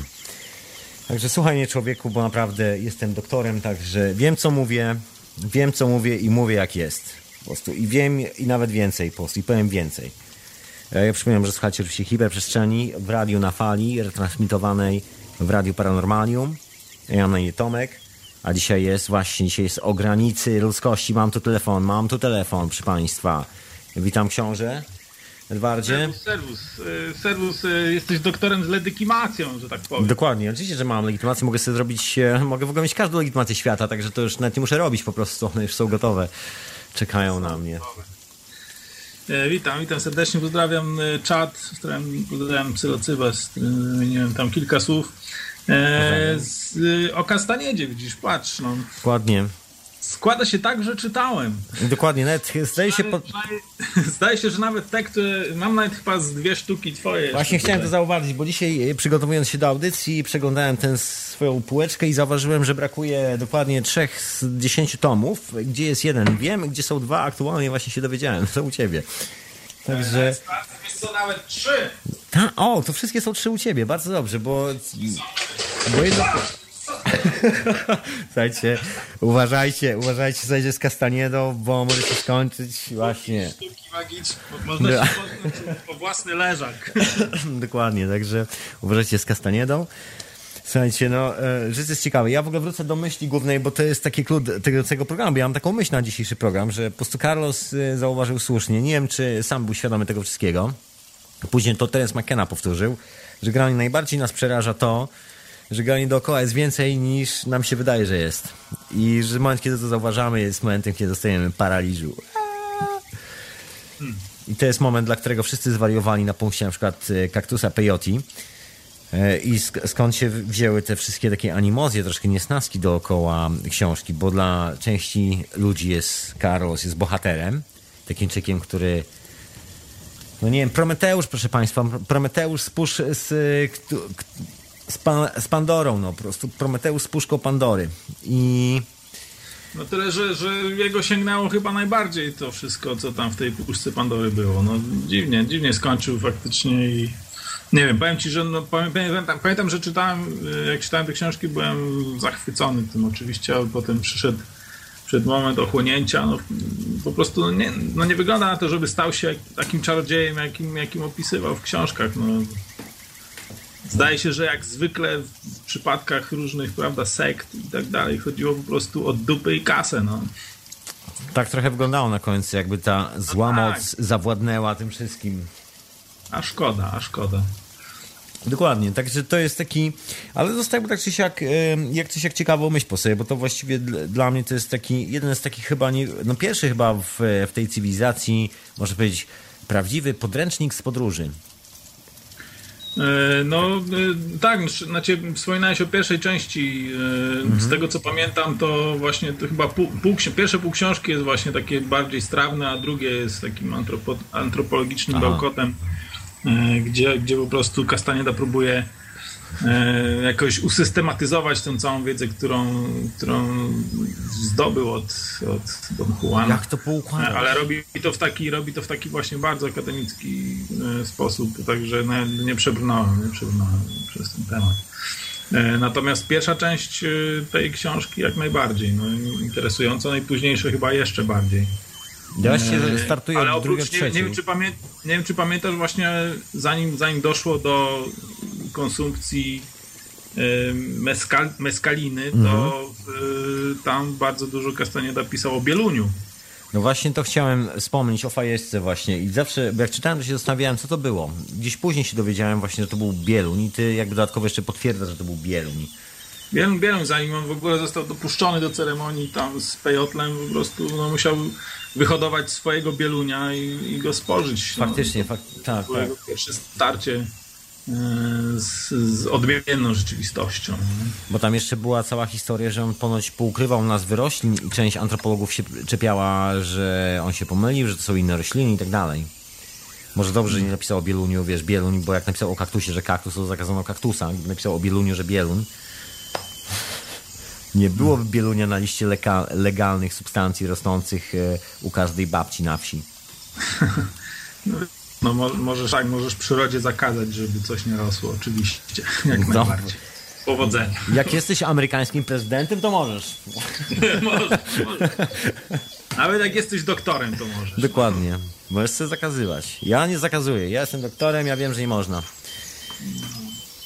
Yy, słuchaj, no nie wiem, no wypadałoby się tam w końcu kiedyś wybrać na tą pustynię. Dokładnie też o tym myślę. Ponoć bodźców jest, yy, właśnie tam jest ponoć, chodzi o to, że bodźców jest mało do tego wszystkiego. Ja jeszcze dodatkowo słyszałem właśnie od, yy, no, od Kuby Wabickiego, że granie połączenie meskaliny i psylocybiny to jest y, najbardziej ponoć optymalny, ktoś to robił, testował i ponoć jest najbardziej optymalny zestaw, którego po prostu nie sposób, ponoć jest to po prostu już taki mistrzowski zestaw, że, że już po tym to już, tak słyszałem. A to jak zwykle są, no i też hmm. tak wskazuje troszkę na to, bo no, taka ciekawostka w tym wszystkim. Nie wiem, no nie wiem, ja jest, ciekaw jestem jak, tak, jak wyglądają takie kombosy Yy, czy, czy aż, aż potrzebne są takie prawda, wiesz, zmasowane ataki na yy, mózgowe fałdy, żeby w ogóle wiesz, doświadczyć czegoś.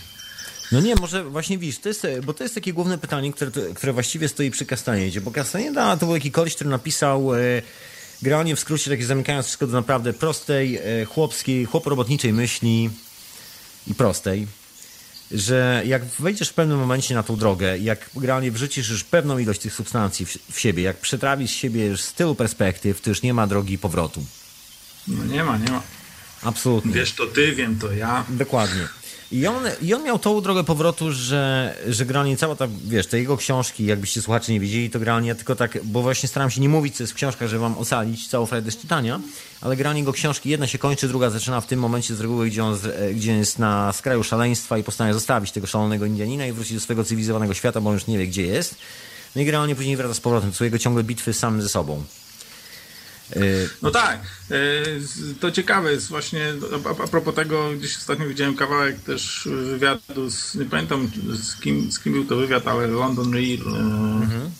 na, kanał na YouTubie, koleś tłumaczył, znaczy nie tyle tłumaczył, miał taką teorię na temat tego, czym jest bad trip, że jest to, że bad trip się po prostu przydarza wtedy, kiedy nagle dostajesz po prostu zbyt dużo informacji, więcej niż jesteś w stanie ogarnąć po prostu. Zbyt, wiesz, lekcja, lekcja od, od, nie wiem, lekcja, która odbywa się po spożyciu, nie wiem, jakiegoś psycho, psychodelika po prostu, wiesz, jest zbyt intensywna, dostajesz za dużo informacji, nie jesteś w stanie ich przetworzyć, wtedy przytrafiać się bad trip. No ciekawe, ciekawe, bo to jest takie nawiązanie trochę takich klasycznych e, teorii od e, drzwi percepcji, że człowiek jest tak skonstruowany, że ma specjalnie filtr narzucony, żeby nie zwariować, bo jak zdejmiesz ten filtr i zobaczysz jak wygląda rzeczywistość, to jest dokładnie tak jak wtedy, kiedy jest po meskalinie. To jest ta prawdziwa rzeczywistość i ten filtr po to, żebyśmy nie zwariowali. Tylko, że właśnie, tylko, że Castanet jest z drugą stronę, że jakby wszystko jest ok, że my bardziej wariujemy tutaj. To, to jest właśnie ta różnica, że zawsze było tak, że to jest od, wiesz, kosmos, inny świat a Castaneda jako pierwszy napisał, że to jest świat równoległy tak naprawdę. To też jest e, dosyć... Nawet nie równoległy, no wiesz. No, dokładnie. Świat, w którym żyjemy to jest, no. To jest takie rewolucyjne u niego, bardzo rewolucyjne i myślę, że może to go zjadło. Może, ty, może on był pierwszą ofiarą tej rewolucji, że to było tak raptowne, że po prostu ta ilość informacji, która się pojawiła, po prostu zamieniła jego życiową drogę, przynajmniej tą końcówkę, już taki po prostu jakiś paradoks. No, on miał jakiś problem, wiesz, no, miał cały czas z tym jakiś problem. No, robił, wiesz, no, pomiędzy książkami, tam pomiędzy historię, jakby opisane w książce, co jakiś czas się właśnie zrywa na kilka lat, niekiedy nawet, no może potrzebował tego czasu właśnie, żeby, nie wiem, przyswoić coś, przetrawić i, wiesz, i być, być gotowym na, na coś następnego, no nie wiem. Mi się tak wydaje, że wiesz, teraz w czasach DMT, Salvi, właściwie no, Salvi jest taką potężną substancją nie porównywałem nigdy do, do meskaliny, bo po prostu nie używałem nigdy meskaliny, ale no ponoć, ponoć po prostu jest tak, e, ponoć mocy są bardzo zbliżone. No i e, może jak na ironię, może to pierwsze pokolenie, może tak wygląda, może to był po prostu taki kosmiczny plan że to pierwsze pokolenie po prostu musiało zwariować, bo to się, po prostu nie ma kompromisu w tej wiedzy. No, jest droga zawsze tej, jest, wiesz. Co, no, ja, ja, myślę, że wiesz, no, nie, nie jest to jakiekolwiek y, psychoaktywne substancje. Wydaje mi się, że to nie jest yy, panaceum i nie jest to po prostu lekarstwo dla wszystkich. No, zawsze będzie jakiś jakaś część ludzi, którym to po prostu nie, nie, nie przysłuży się. No. Dokładnie, to jest takie, znaczy jakby, jak się okazało, znaczy tamte pokolenie myślę, że po prostu zwariowało, bo właściwie wystawiło się na yy, tak... No tacy byli bardzo whatever, nie? No, Dokładnie. Nagle, wiesz, no po latach różnych tam społecznych, prawda, nie wiem, regulacji i e, wstydów przeróżnych, nagle, wiesz, można było robić wszystko, no cokolwiek chcesz, no. Więc dlatego, dlatego, ty, dlatego te czasy się już więcej nie powtórzyły, po prostu dlatego tak wszystko jest kontrolowane, wiesz, no ja myślę, że, wiesz, no wyobrażasz sobie nagle, wiesz, wjeżdżasz do takiego San Francisco, po prostu tam pół miasta na trawniku po prostu tripuje po kwasach, po czym nie. Nie wyobrażam sobie, ponieważ to w Londynie było, a ponieważ to w Londynie było i to też sobie teraz nie wyobrażam sobie czegoś takiego, że idziesz przez Londyn i też przez takie dzielnice, tak jakbyś szedł przez cały na przykład no no Camden Town, a tam wszyscy byliby dosłownie po kwasie. No. Jest nie do pomyślenia. Coś, co się aktualnie po prostu w pale nie mieści. Z, jak legendy, ale no. tak. Tak, o czterech, że... wiesz co, bo to naprawdę brzmi jak legenda o tych czterech zasnęli w Tatrach, po prostu stali pewnego nie czekają, żeby wyjść. Gdzie tak wydaje czasami, że Castaniera po prostu musiał zwariować, że po prostu ci pierwsi kolesi musieli, że jedyne co po prostu mogli zdążyć zrobić, to zostawić po sobie kilka e, wystarczająco mądrych zdań, żeby przetrwały i żeby były punktem odbicia do następnej, e, do następnej opowieści, do następnej generacji.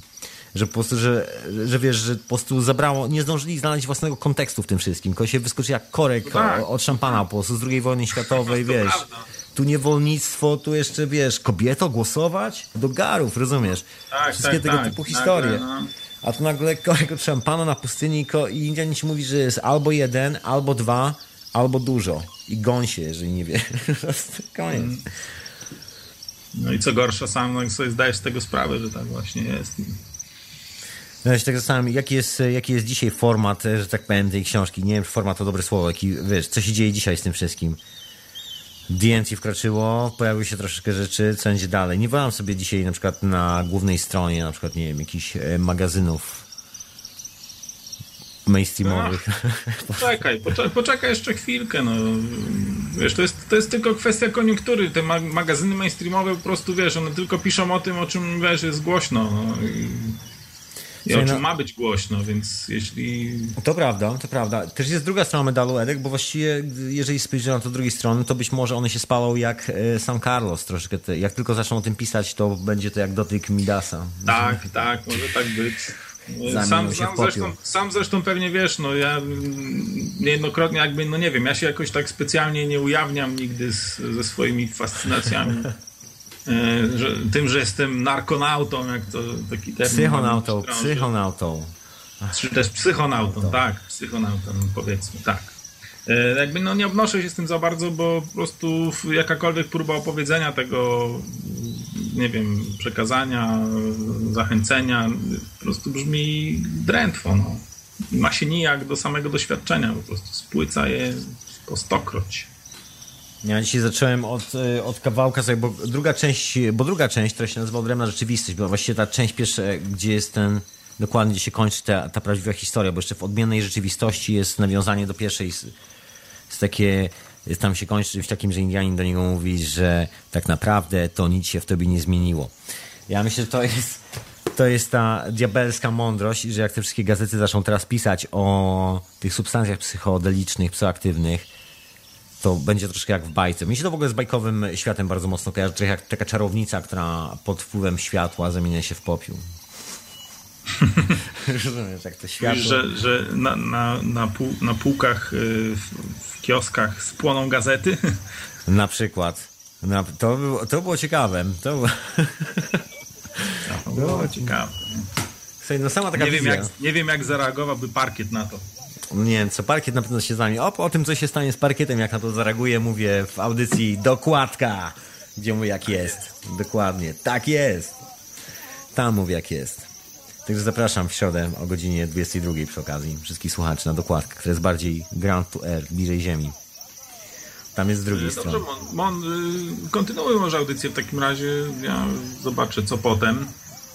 To ja zapraszam, żebyś, żebyś tam... E, słuchaj, to ja może mam do ciebie no, jedno... Słuchaj, akurat, nasłuchuję dziś. To ja może jeszcze wykorzystam okazję, bo skoro jesteś psychonauto, a tu niewielu psychonautów dzwoni, na że my się znamy tak prywatnie, drodzy słuchacze, to już inna sprawa, jesteśmy, psychonautujemy wspólnie, także no, t- trudno to ukryć, myślę, że to nawet słychać, że się znamy od tej strony doskonale, także nie będę ukrywał, że jest inaczej.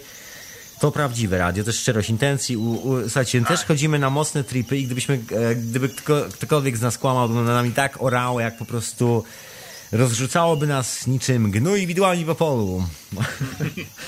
jak jest, Inaczej. Z dokładnie. niejednej łąki grzyby jedliśmy. Dokładnie. Także, z, y, także mam do Ciebie pytanko, słuchaj, y, bo u Castaniedy jest, na przykład jest taki ciekawy zarzut, y, to jest taki główny zarzut, o którym go, z którego się zawsze śmieję, troszeczkę, no nie trochę, tylko kompletnie, taki główny zarzut, że on to wszystko sfałszował, że cały ten pomysł na tym, że świadomość ludzka jest czymś w rodzaju kulki jajka, że to jest fałszerstwo, że on to wszystko przepisał skądś. I ja się zawsze śmiałem, bo, przeczytałem, bo tą, tą tezę wysnuł facet, który go krytykował, a który nigdy w życiu nie użył ża- żadnych substancji psychoaktywnych. No, no, to, no to tak, no, nie, no, no, ewidentnie jak się czyta książkę, to jeśli ktoś miał wcześniej doświadczenia jakiekolwiek na tym polu, no to język jest znajomy, no nie wiem, opisywane zjawiska znajomo wyglądają, no trudno, trudno by było fejkować coś takiego. No. Czyli generalnie sobie, no bo właśnie to jest tak, tak, takie ukryte pytanie. No po prostu prawda, proszę pana. Czy odczułeś, że to jest prawda? Nie wiem, no nie wiem, y, powiem ci, no wiesz, no do końca nie wiem jak jest prawdą, na pewno, No, wiesz, no, na pewno coś przeżył, natomiast co, co z tym zrobił, jak, wiesz, jak, jak to sobie przetrawił, to, to jest osobna historia. Dokładnie. Nie, no nie sądzę natomiast, że jest to wszystko zmyślone, no. dużo, wiesz, no, generalnie każdy trip jest bardzo, wiesz, poza tym, że ma pewne wspólne elementy jakby dla wszystkich, którzy, którzy tego próbują, to jest to za każdym razem bardzo osobnicze przeżycie. Nie? Każdy mierzy się ze sobą, ze swoimi doświadczeniami, ze swoim zestawem jakichś spraw, które ma w głowie i e, no i w książkach też o tym wspomina Castaneda, więc no, ciężko byłoby opisać jakieś, nie wiem, historię ze swojego życia przez pryzmat Pejotla, na przykład nie, no nie spożywszy go wcześniej. Nie? Albo w ogóle. No proszę bardzo. No to dziękuję za pytanko, bo to takie e, pytanko, takie wiesz, e, do użytkownika. Czy jako użytkownik rozpoznajesz kolegę? Bo ja no rozpoznałem tak, kolegę tak, od razu. Jest coś takiego, to prawda. Także ja też to nie wierzę do końca, też wierzę, też wierzę że Carlos po prostu wrzucał te wszystkie to psylocybinę, na psylocybinę Może starał się być za bardzo, wiesz, no może starał się za bardzo być Prometeuszem właśnie, no. Może to chodziło. Wiesz, to też jeszcze taka sytuacja, że my jesteśmy szczęściarzy, bo żaden z nas nie jest sławny, ale koleś w ciągu dosłownie jednego tygodnia stał się milionerem Prawda? i, no tak. i guru. Bo to, to tak, dokładnie. Nie, no, ja, bym się, ja bym się naprawdę bardzo, ja bym się obawiał bardzo, gdyby, gdyby miał, nie wiem, na jakimś powiedzmy publicznym forum opowiadać o.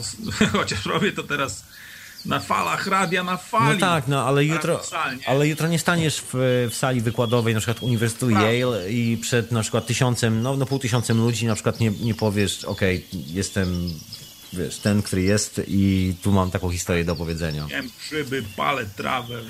Dokładnie. Też odwrotnie, palę grzyby, jem trawę.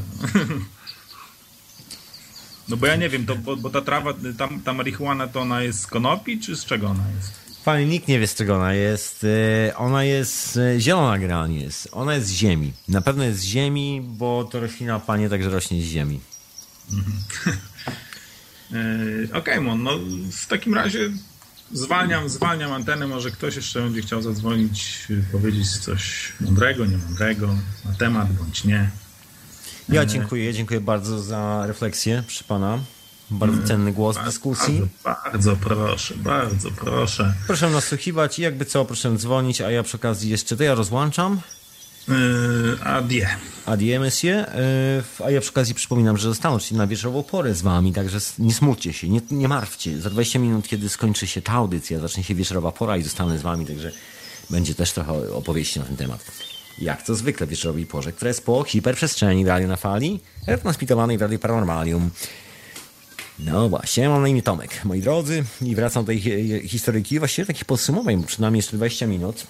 Słuchajcie, to może ja zrobię tak, zanim będę podsumował cokolwiek, zanim jeszcze będę wrzucał takie swoje wnioski, a jeżeli wam się chce zadzwonić, to może zróbmy sobie troszkę czasu na pomyślenie, czy chcecie zadzwonić, czy, czy chcecie się odezwać, czy coś tam, a ja po prostu włączę muzyczkę.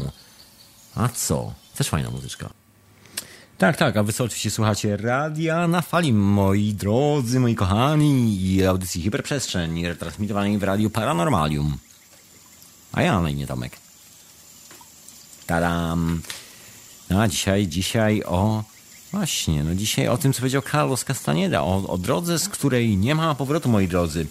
Jak na ironię wygląda na to, że właściwie, no może Carlos nie najlepiej skończył generalnie, no ale to oczywiście, jak zwykle, inna historia. E, no ale gra nie wygląda na to, że kiedy się pojawiły substancje w naszej kulturze, to jest czymś, co nazywam naszą kulturą, okazało się, że nasza kultura jest kompletnie tak niepoukładana sama ze sobą, że właściwie w konfrontacji z mocnymi psychoaktywnymi substancjami okazało się, że większa część tej kultury nie ma pojęcia tak naprawdę po co jest, czym jest, dokąd zmierza, o co chodzi. Nic absolutnie kuma. Nie ma, jak to się elegancko mówi, nie do tej pory, pomimo istnienia od y, 2000 lat, czy cokolwiek ile deklaruje, nie znalazła własnego kontekstu szczerości, swoich własnych intencji, takiej uczciwości wewnętrznej. No i się okazało, że kiedy taka kultura w końcu po latach, kiedy skolonizowała jeden kontynent, drugi, trzeci, wyorała narody, w końcu gdzieś tam przez przypadek, przez jakiegoś szalonego studenta antropologii z Uniwersytetu w Kalifornia w latach 60., przez jakiegoś Indianina, szamana, jakieś dziwne historie postrafiły przez kaktusa do ludzkiej świadomości. Później zamieniona została na książkę. Ta książka dokonała rewolucji kulturowej, która doprowadziła wręcz do zmiany prawa. Że ludzie, którzy nie wiedzieli o tej substancji, nagle się cały świat się właściwie dowiedział o tym, czym jest kaktus peyote. Może ale mniejsza o kaktusa peyote, bardziej właściwie chodzi o substancje psychoaktywne, bo no, jak pomimo wszystko cała, całe to pokolenie lat 60. trafiło jakieś do zbiorowej świadomości. Wszyscy wiedzą, że no można żyć inaczej. Znaczy, no, kiedyś po prostu było inaczej. Niektórzy ironicznie żartują, że lepiej, lepiej to już było. Ja myślę, że lepiej dopiero będzie. To był chyba taki być może przedsmak, takie uderzenie tego wszystkiego, kiedy to się pojawiło, słuchajcie, bo fala była po prostu potężna. To pierwsze wybicie było takie, że no... Ja tu słyszałem opowieści, jak wyglądał Londyn w latach 60., kiedy po prostu LSD rozdawano na ulicy. Stał koleś, który wyglądał coś e, jak lokalna wersja Jimi Hendrixa. Yy, nic innego poza uśmiechem na twarzy nie miał do powiedzenia ludziom dookoła, tylko i trzymał przy sobą kwasy i rozdawał po prostu takie kartoniki odrywał. Sięgał do kieszeni i rozdawał ludziom. Takie historie się działy. Po prostu tak... Ludzie tripowali w Hyde Parku, granie, w ogóle zupełnie nie świat był. Zupełnie. Dzisiaj, dzisiaj żyjemy w takim policyjnym świecie, gdzie od razu mm, ktoś do nas by podszedł, zaczął się bacznie przyglądać i zadawać nam 30 milionów pytań, czy wszystko z nami jest w porządku i czy w ogóle jesteśmy tu legalnie. I dlaczego, yy, dlaczego się tak podejrzanie zachowujemy? Dlaczego się cieszymy? Skąd mamy w sobie tyle wigoru, energii i radości? To nie jest normalne. Musimy cię aresztować i sprawdzić, czy przypadkiem nie jesteś pod wpływem substancji psychoaktywnych no jakieś całe, całe, całe po prostu nacje substancje, miasta, moi drodzy, no, takie jak San Francisco, między innymi Londyn, Nowy Jork, wiele miejsc. Tam, gdzie było dużo ludzi, tam z reguły coś się działo. Przynajmniej w tamtej części świata. No i granie jak ta fala topnęła, no później oczywiście naturalną siłą rzeczy jest to, że fala opada, lata 70. No i wygląda na to, że ja cały czas to kraczę i wróżę, że fala absolutnie wraca i że, i że właśnie, no i o ile pokolenie Carlosa miało ten problem, że nie znalazło własnego kontekstu, absolutnie, następne pokolenie też miało z tym dosyć poważny problem, bo następne pokolenie, jak się okazało, no miało jeszcze w sobie chyba syndrom jakiegoś poszukiwania lidera, syndrom szukania guru, syndrom oglądania się na kogoś, syndrom po prostu pytania się, hej stary, a jak mam się czuć na swoim tripie? Nie wiem, to twój trip, powinien się czuć doskonale, no po prostu najlepiej jak się tak jak, tak jak chcesz, po prostu. Czujesz się człowiek u, u siebie. No ale to też trzeba było, my dopiero to wiemy, z 2013 nie mamy z tym problemu, powoli to ogarniamy się, albo już ogarnęliśmy i jesteśmy w trakcie tej całej podróży, a to jeszcze wcześniej było nie do pomyślenia. To taki krok, to się tak wydaje, 1968 rok, a dzisiaj mamy 2013 czyli 40 lat przed, plus jeszcze 2, plus słuchajcie, 20, co ja mówię, 45 lat temu. Tak? Czy ja, czy ja jakoś tak. Tak dawno temu to się stało i taka wielka zmiana. Wygląda na to, że jeżeli, słuchajcie, jeżeli generalnie wszyscy ci, którzy zaczęli tę zmianę, czyli no, tak jak Karl wspominał, że generalnie jest to droga, z której już nie ma powrotu i to jest coś, co się generalnie instynktownie czuje przede tym wszystkim i o tym mówią praktycznie wszyscy, którzy mają doświadczenia z tego typu substancjami i doświadczeniami po tych substancjach, to być może no trudno, być może właśnie na tym to miało polegać, że pierwsze pokolenie miało się spalić, że, że to troszeczkę jak w tych greckich legendach, tych greckich mitach, prawda? Mit o Ikarze. Że, żeby w ogóle cokolwiek skumać, że no, nie wiem, no może ta ofiara, szaleństwo po prostu i spełnienie ofiary, to jest taka kultura, która wiecznie szuka ofiary. Może tak się musiało to zamanifestować. Że kiedy się z powrotem pojawiły rośliny, po lekkim uciszeniu, po tym szaleństwie, się okazało, że biały człowiek po prostu zwariował trochę. Huh. No ale wygląda na to, że właściwie nie mamy drogi, że z tej drogi tak naprawdę nie mamy, nie mamy absolutnie żadnego powrotu. Kilka, właściwie tydzień temu skończył się mm, taki duży konwent naukowy w Londynie na temat e, substancji psychoaktywnych. Było tam, o, zapomniałem w ogóle nazwy tego konwentu, przepraszam bardzo. No generalnie przyjechało masę ludzi, były, było tak bardzo naukowo, były, bo to ludzie, którzy zajmują się badaniem substancji psychoaktywnych, ale w, w laboratoriach z pacjentami, którzy są przykład chorzy na raka, robią, robią takie bardzo poważne badania. To są jedni z tych nielicznych ludzi na świecie, którzy mają zezwolenia na to, żeby w ogóle mieć takie substancje i w ogóle cokolwiek z nimi robić legalnie. Że musi sobie na przykład wyprodukować laboratorium. No i była ta gigantyczna konferencja. Słuchajcie, to już się zmienia, o ile jeszcze kiedyś e, Kiedyś to było jakieś po prostu kompletnie nie do pomyślenia. To teraz, proszę Was, w... Co to się dzieje z mikrofonem? Przepraszam bardzo, jak zwykle się troszeczkę pouzował. Okej. Okay. A tu się okazuje, że w Greenwich, na Uniwersytecie w Greenwich przez trzy dni taka duża, potężna konferencja, gdzie ludzie no dużo, dużo, du gdzie właściwie jest tylko i wyłącznie o substancjach psychoaktywnych, to tu dużo mówić. No i no jakie są wnioski z tej konferencji, bo to jest myślę najbardziej intrygujące, bo tam konferencja konferencją, ale po tych e, tam 50 latach, czy jakoś tak, od, od, od Kastaniedy, kiedy już troszkę minęło, tam 50 paru, nagle się okazuje, że w dzisiejszych czasach, kiedy powoli zaczynamy kumać, jak w ogóle badać mózg, jak w ogóle, jak w ogóle sprawdzić, co się dzieje w naszych głowach i, i o co chodzi z tymi substancjami psychoaktywnymi, okazuje się, że jest to bardzo integralna część naszego życia, że to jest odpowiada za nasze zdrowie, odpowiada za nasze receptory, za to jak, no, za milion rzeczy dookoła. I właściwie wygląda to, że Chyba znaleźliśmy na samym dnie, tak jak w tym, e, w tym greckim micie, na samym dnie tego pudełka z Pandorą, po prostu znaleźliśmy nadzieję, po prostu małą nadzieję na to, że wszystko będzie ok, że wyleczymy się z tego wszystkiego, że, że może na początku zwariowaliśmy, nie wiedzieliśmy jak podejść do tego wszystkiego. Ja zawsze twierdzę, że każda historia, która powstaje w danym momencie, w danym czasie, jest metaforą swoich czasów, jest czymś, co opisuje swoje czasy. I być może Carlos Castaneda, być może teraz jest już e, może, że tak powiem, po ptakach, to już nie jest historia na dzisiaj. Być może dzisiaj już e, inne sprawy grają rolę, ważniejsze, ktokolwiek, cokolwiek, nie wiemy. Być może to była tylko historia, która towarzyszyła tamtym czasem. To był taki znak, znak z przeszłości, że właśnie kiedy weszło, kiedy, kiedy cała informacja pojawiła się w naszej kulturze, po prostu wszystko musiała skraszować, łącznie z kolesiem, który to informację przyniósł. On sam skończył w taki właśnie dziwny sposób. Także może właśnie na tym to polegało, że to po prostu musiało wejść w, a nie inny sposób. Musiało po prostu zaorać. Nie było innej opcji, bo cywilizacja po prostu w ogóle nie była przygotowana na to. No teraz jesteśmy już y, zdecydowanie lepiej przygotowani, choćby dlatego, że właśnie możemy, chociaż niewiele, bo niewiele, ale jednak możemy już robić badania naukowe i możemy sprawdzać, co tak naprawdę to jest nasze uczucie, że czujemy się lepiej, czy organizm nasz wysyła jeszcze jakieś informacje na ten temat i tak dalej, i tak dalej. To się wszystko potwierdza, absolutnie. Wygląda na to, że absolutnie to jest ta droga i że to jest prawdopodobnie no to jest ta niesamowita przyszłość przed nami, o której w medycynie w ogóle no nie mieliśmy do tej pory pojęcia, w ogóle zbanowaliśmy to wszystko, poszliśmy w jakiś kierunku farm, jakichś sztucznych substancji chemicznych, w ogóle mechanicznego traktowania organizmu, to w ogóle nie, nie zadziałało.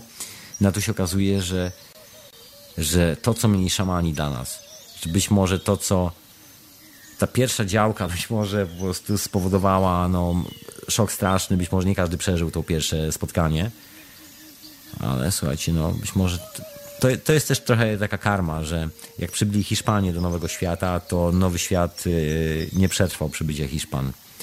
To jak Indianie wytoczyli swoje poważne działa, czyli substancje, które mówią człowiekowi, kim człowiek tak naprawdę jest i gdzie jest jego rola i jak powinna wyglądać y, zdrowa relacja pomiędzy nim a światem dookoła, to się okazało, że biali po prostu zwariowali, bo nie mieli pojęcia, że coś takiego może w ogóle istnieć jak normalna, zdrowa, nie sadomasochistyczno-destrukcyjna relacja ze światem. O, coś nie do pomyślenia. Coś nie do pomyślenia, proszę Państwa. A jednak, a jednak od małej książki w 1968 roku do dzisiaj, do gigantycznej konferencji w Londynie, słuchajcie, to jest naprawdę duży uniwersytet i przyjechali tam bardzo poważni ludzie i wyniki tych badań są naprawdę szokujące. O tym wszystkim będę mówił w następnych hiperprzestrzeniach, także ten temat Wam absolutnie nie ucieknie.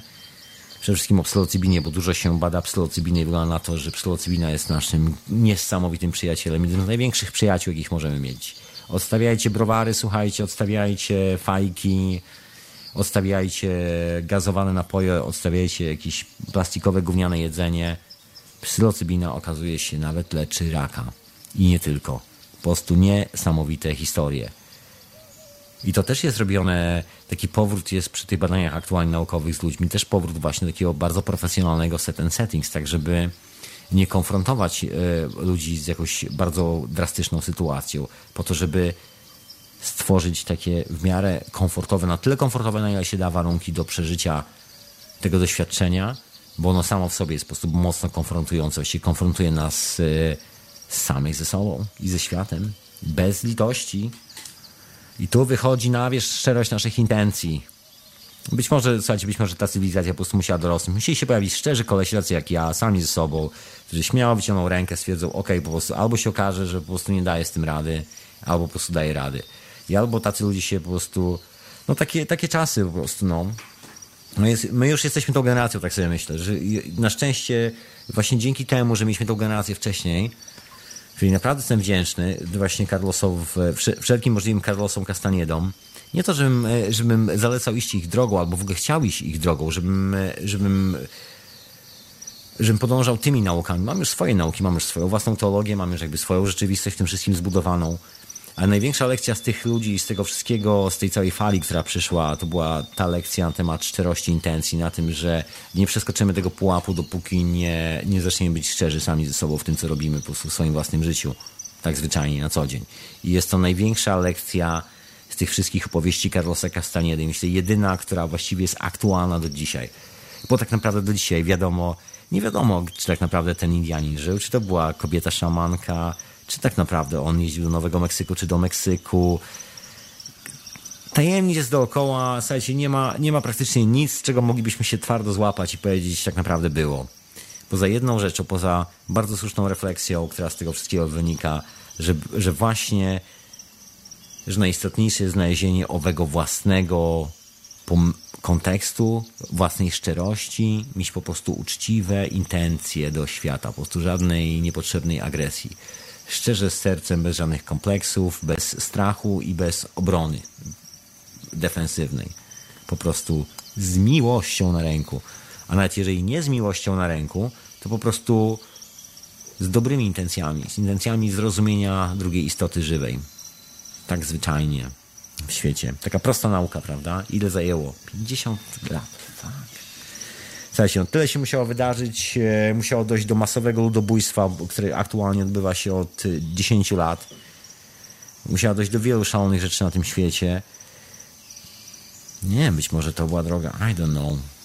I don't know, proszę Państwa. Myślę, że już niedługo się dowiemy tego wszystkiego. Jesteśmy w ogóle na drodze, żeby się dowiedzieć tego wszystkiego. Na razie wiemy chyba najważniejsze rzeczy, także wiemy o tej szczerości intencji. Także myślę, że Zachowajmy, słuchajcie, zachowajmy szczerość własnych intencji. Dzięki temu nigdy nie zgubimy mapy. Jeżeli pewnego dnia przyjdzie nam zmierzyć się z czymś, co przerośnie naszą świadomość, coś, co przerośnie w ogóle naszą wyobraźnię, coś, co przerośnie wszelkie możliwe, nasze, wszelkie możliwe coś, co możemy poznać naszymi zmysłami, no to ta właśnie szczerość intencji, jakby konsolidacja i bycie po prostu dobrze ze sobą, y, ogarniętym, może nas wyprowadzić z tej sytuacji. To może być właśnie nasz, nasz taniec, to może być właśnie owa ta piosenka pejotlowa, którą sobie Indianie śpiewają, żeby nie zgubić mapy podczas tego potężnego tripu. Bo jak się okazuje, jeżeli człowiek nauczy się łapać mapę podczas tripu, to jest bardzo duże prawdopodobieństwo, bardzo duże, że nauczy się łapać mapę ze swoimi, z relacjami z innymi ludźmi, że nauczy się łapać mapę z rzeczywistością dookoła i co najważniejsze, nauczy się budować coś pozytywnego, a nie duplikować jakieś dysfunkcyjne rozwiązania. Także to jest, yy, to jest bardzo ciekawa lekcja z tego wszystkiego. A jak to wpłynie na następne 50 lat, które przed nami, tego absolutnie nie mam bladego pojęcia. Myślę, że to, to, to co nas czeka, po prostu będzie, będzie naprawdę niesamowite. Także chciałem, chciałem Wam wszystkim podziękować, moi drodzy, za słuchanie tej audycji, która była poświęcona po prostu drodze, z której nie ma powrotu, o której pisał Carlos Castaneda i dzięki czemu stał się sławny. Inna sprawa, że sam nie przeżył chyba swojej sławy zbyt dobrze, ale to już inna sprawa, nie nam oceniać. Słuchajcie, jeżeli Carlos jest tu z nami, jeżeli nie skończył najlepiej, to wrócił w jakimś życiu i gdzieś tu się buja z nami. Ktoś z Was być może jest wcieleniem Carlosa Castaniedy. Kto wie? Kto wie? Być może tak właśnie jest. Także słuchajcie, jeżeli jesteście wcieleniem Carlosa Castaniedy, wcieleniem Napoleona, yy, kogokolwiek, kogokolwiek, słuchajcie, sam mogę być wcieleniem Carlosa. nie, nie mogę być, urodziłem się za wcześnie, sorry. Ale niektórzy mogą być.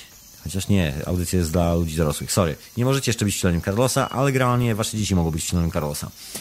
Także, słuchajcie, pozdrawiam was serdecznie, dziękuję za słuchanie audycji, zapraszam w ogóle do wspierania Radyjka finansowo, po to, żebyśmy mogli mówić o takich Carlosach i wspierania w ogóle audycji hiperprzestrzeń finansowa, jakieś datki, żebym na kawę miał przynajmniej, jak do Was mówię, by się bardzo, bardzo przydały.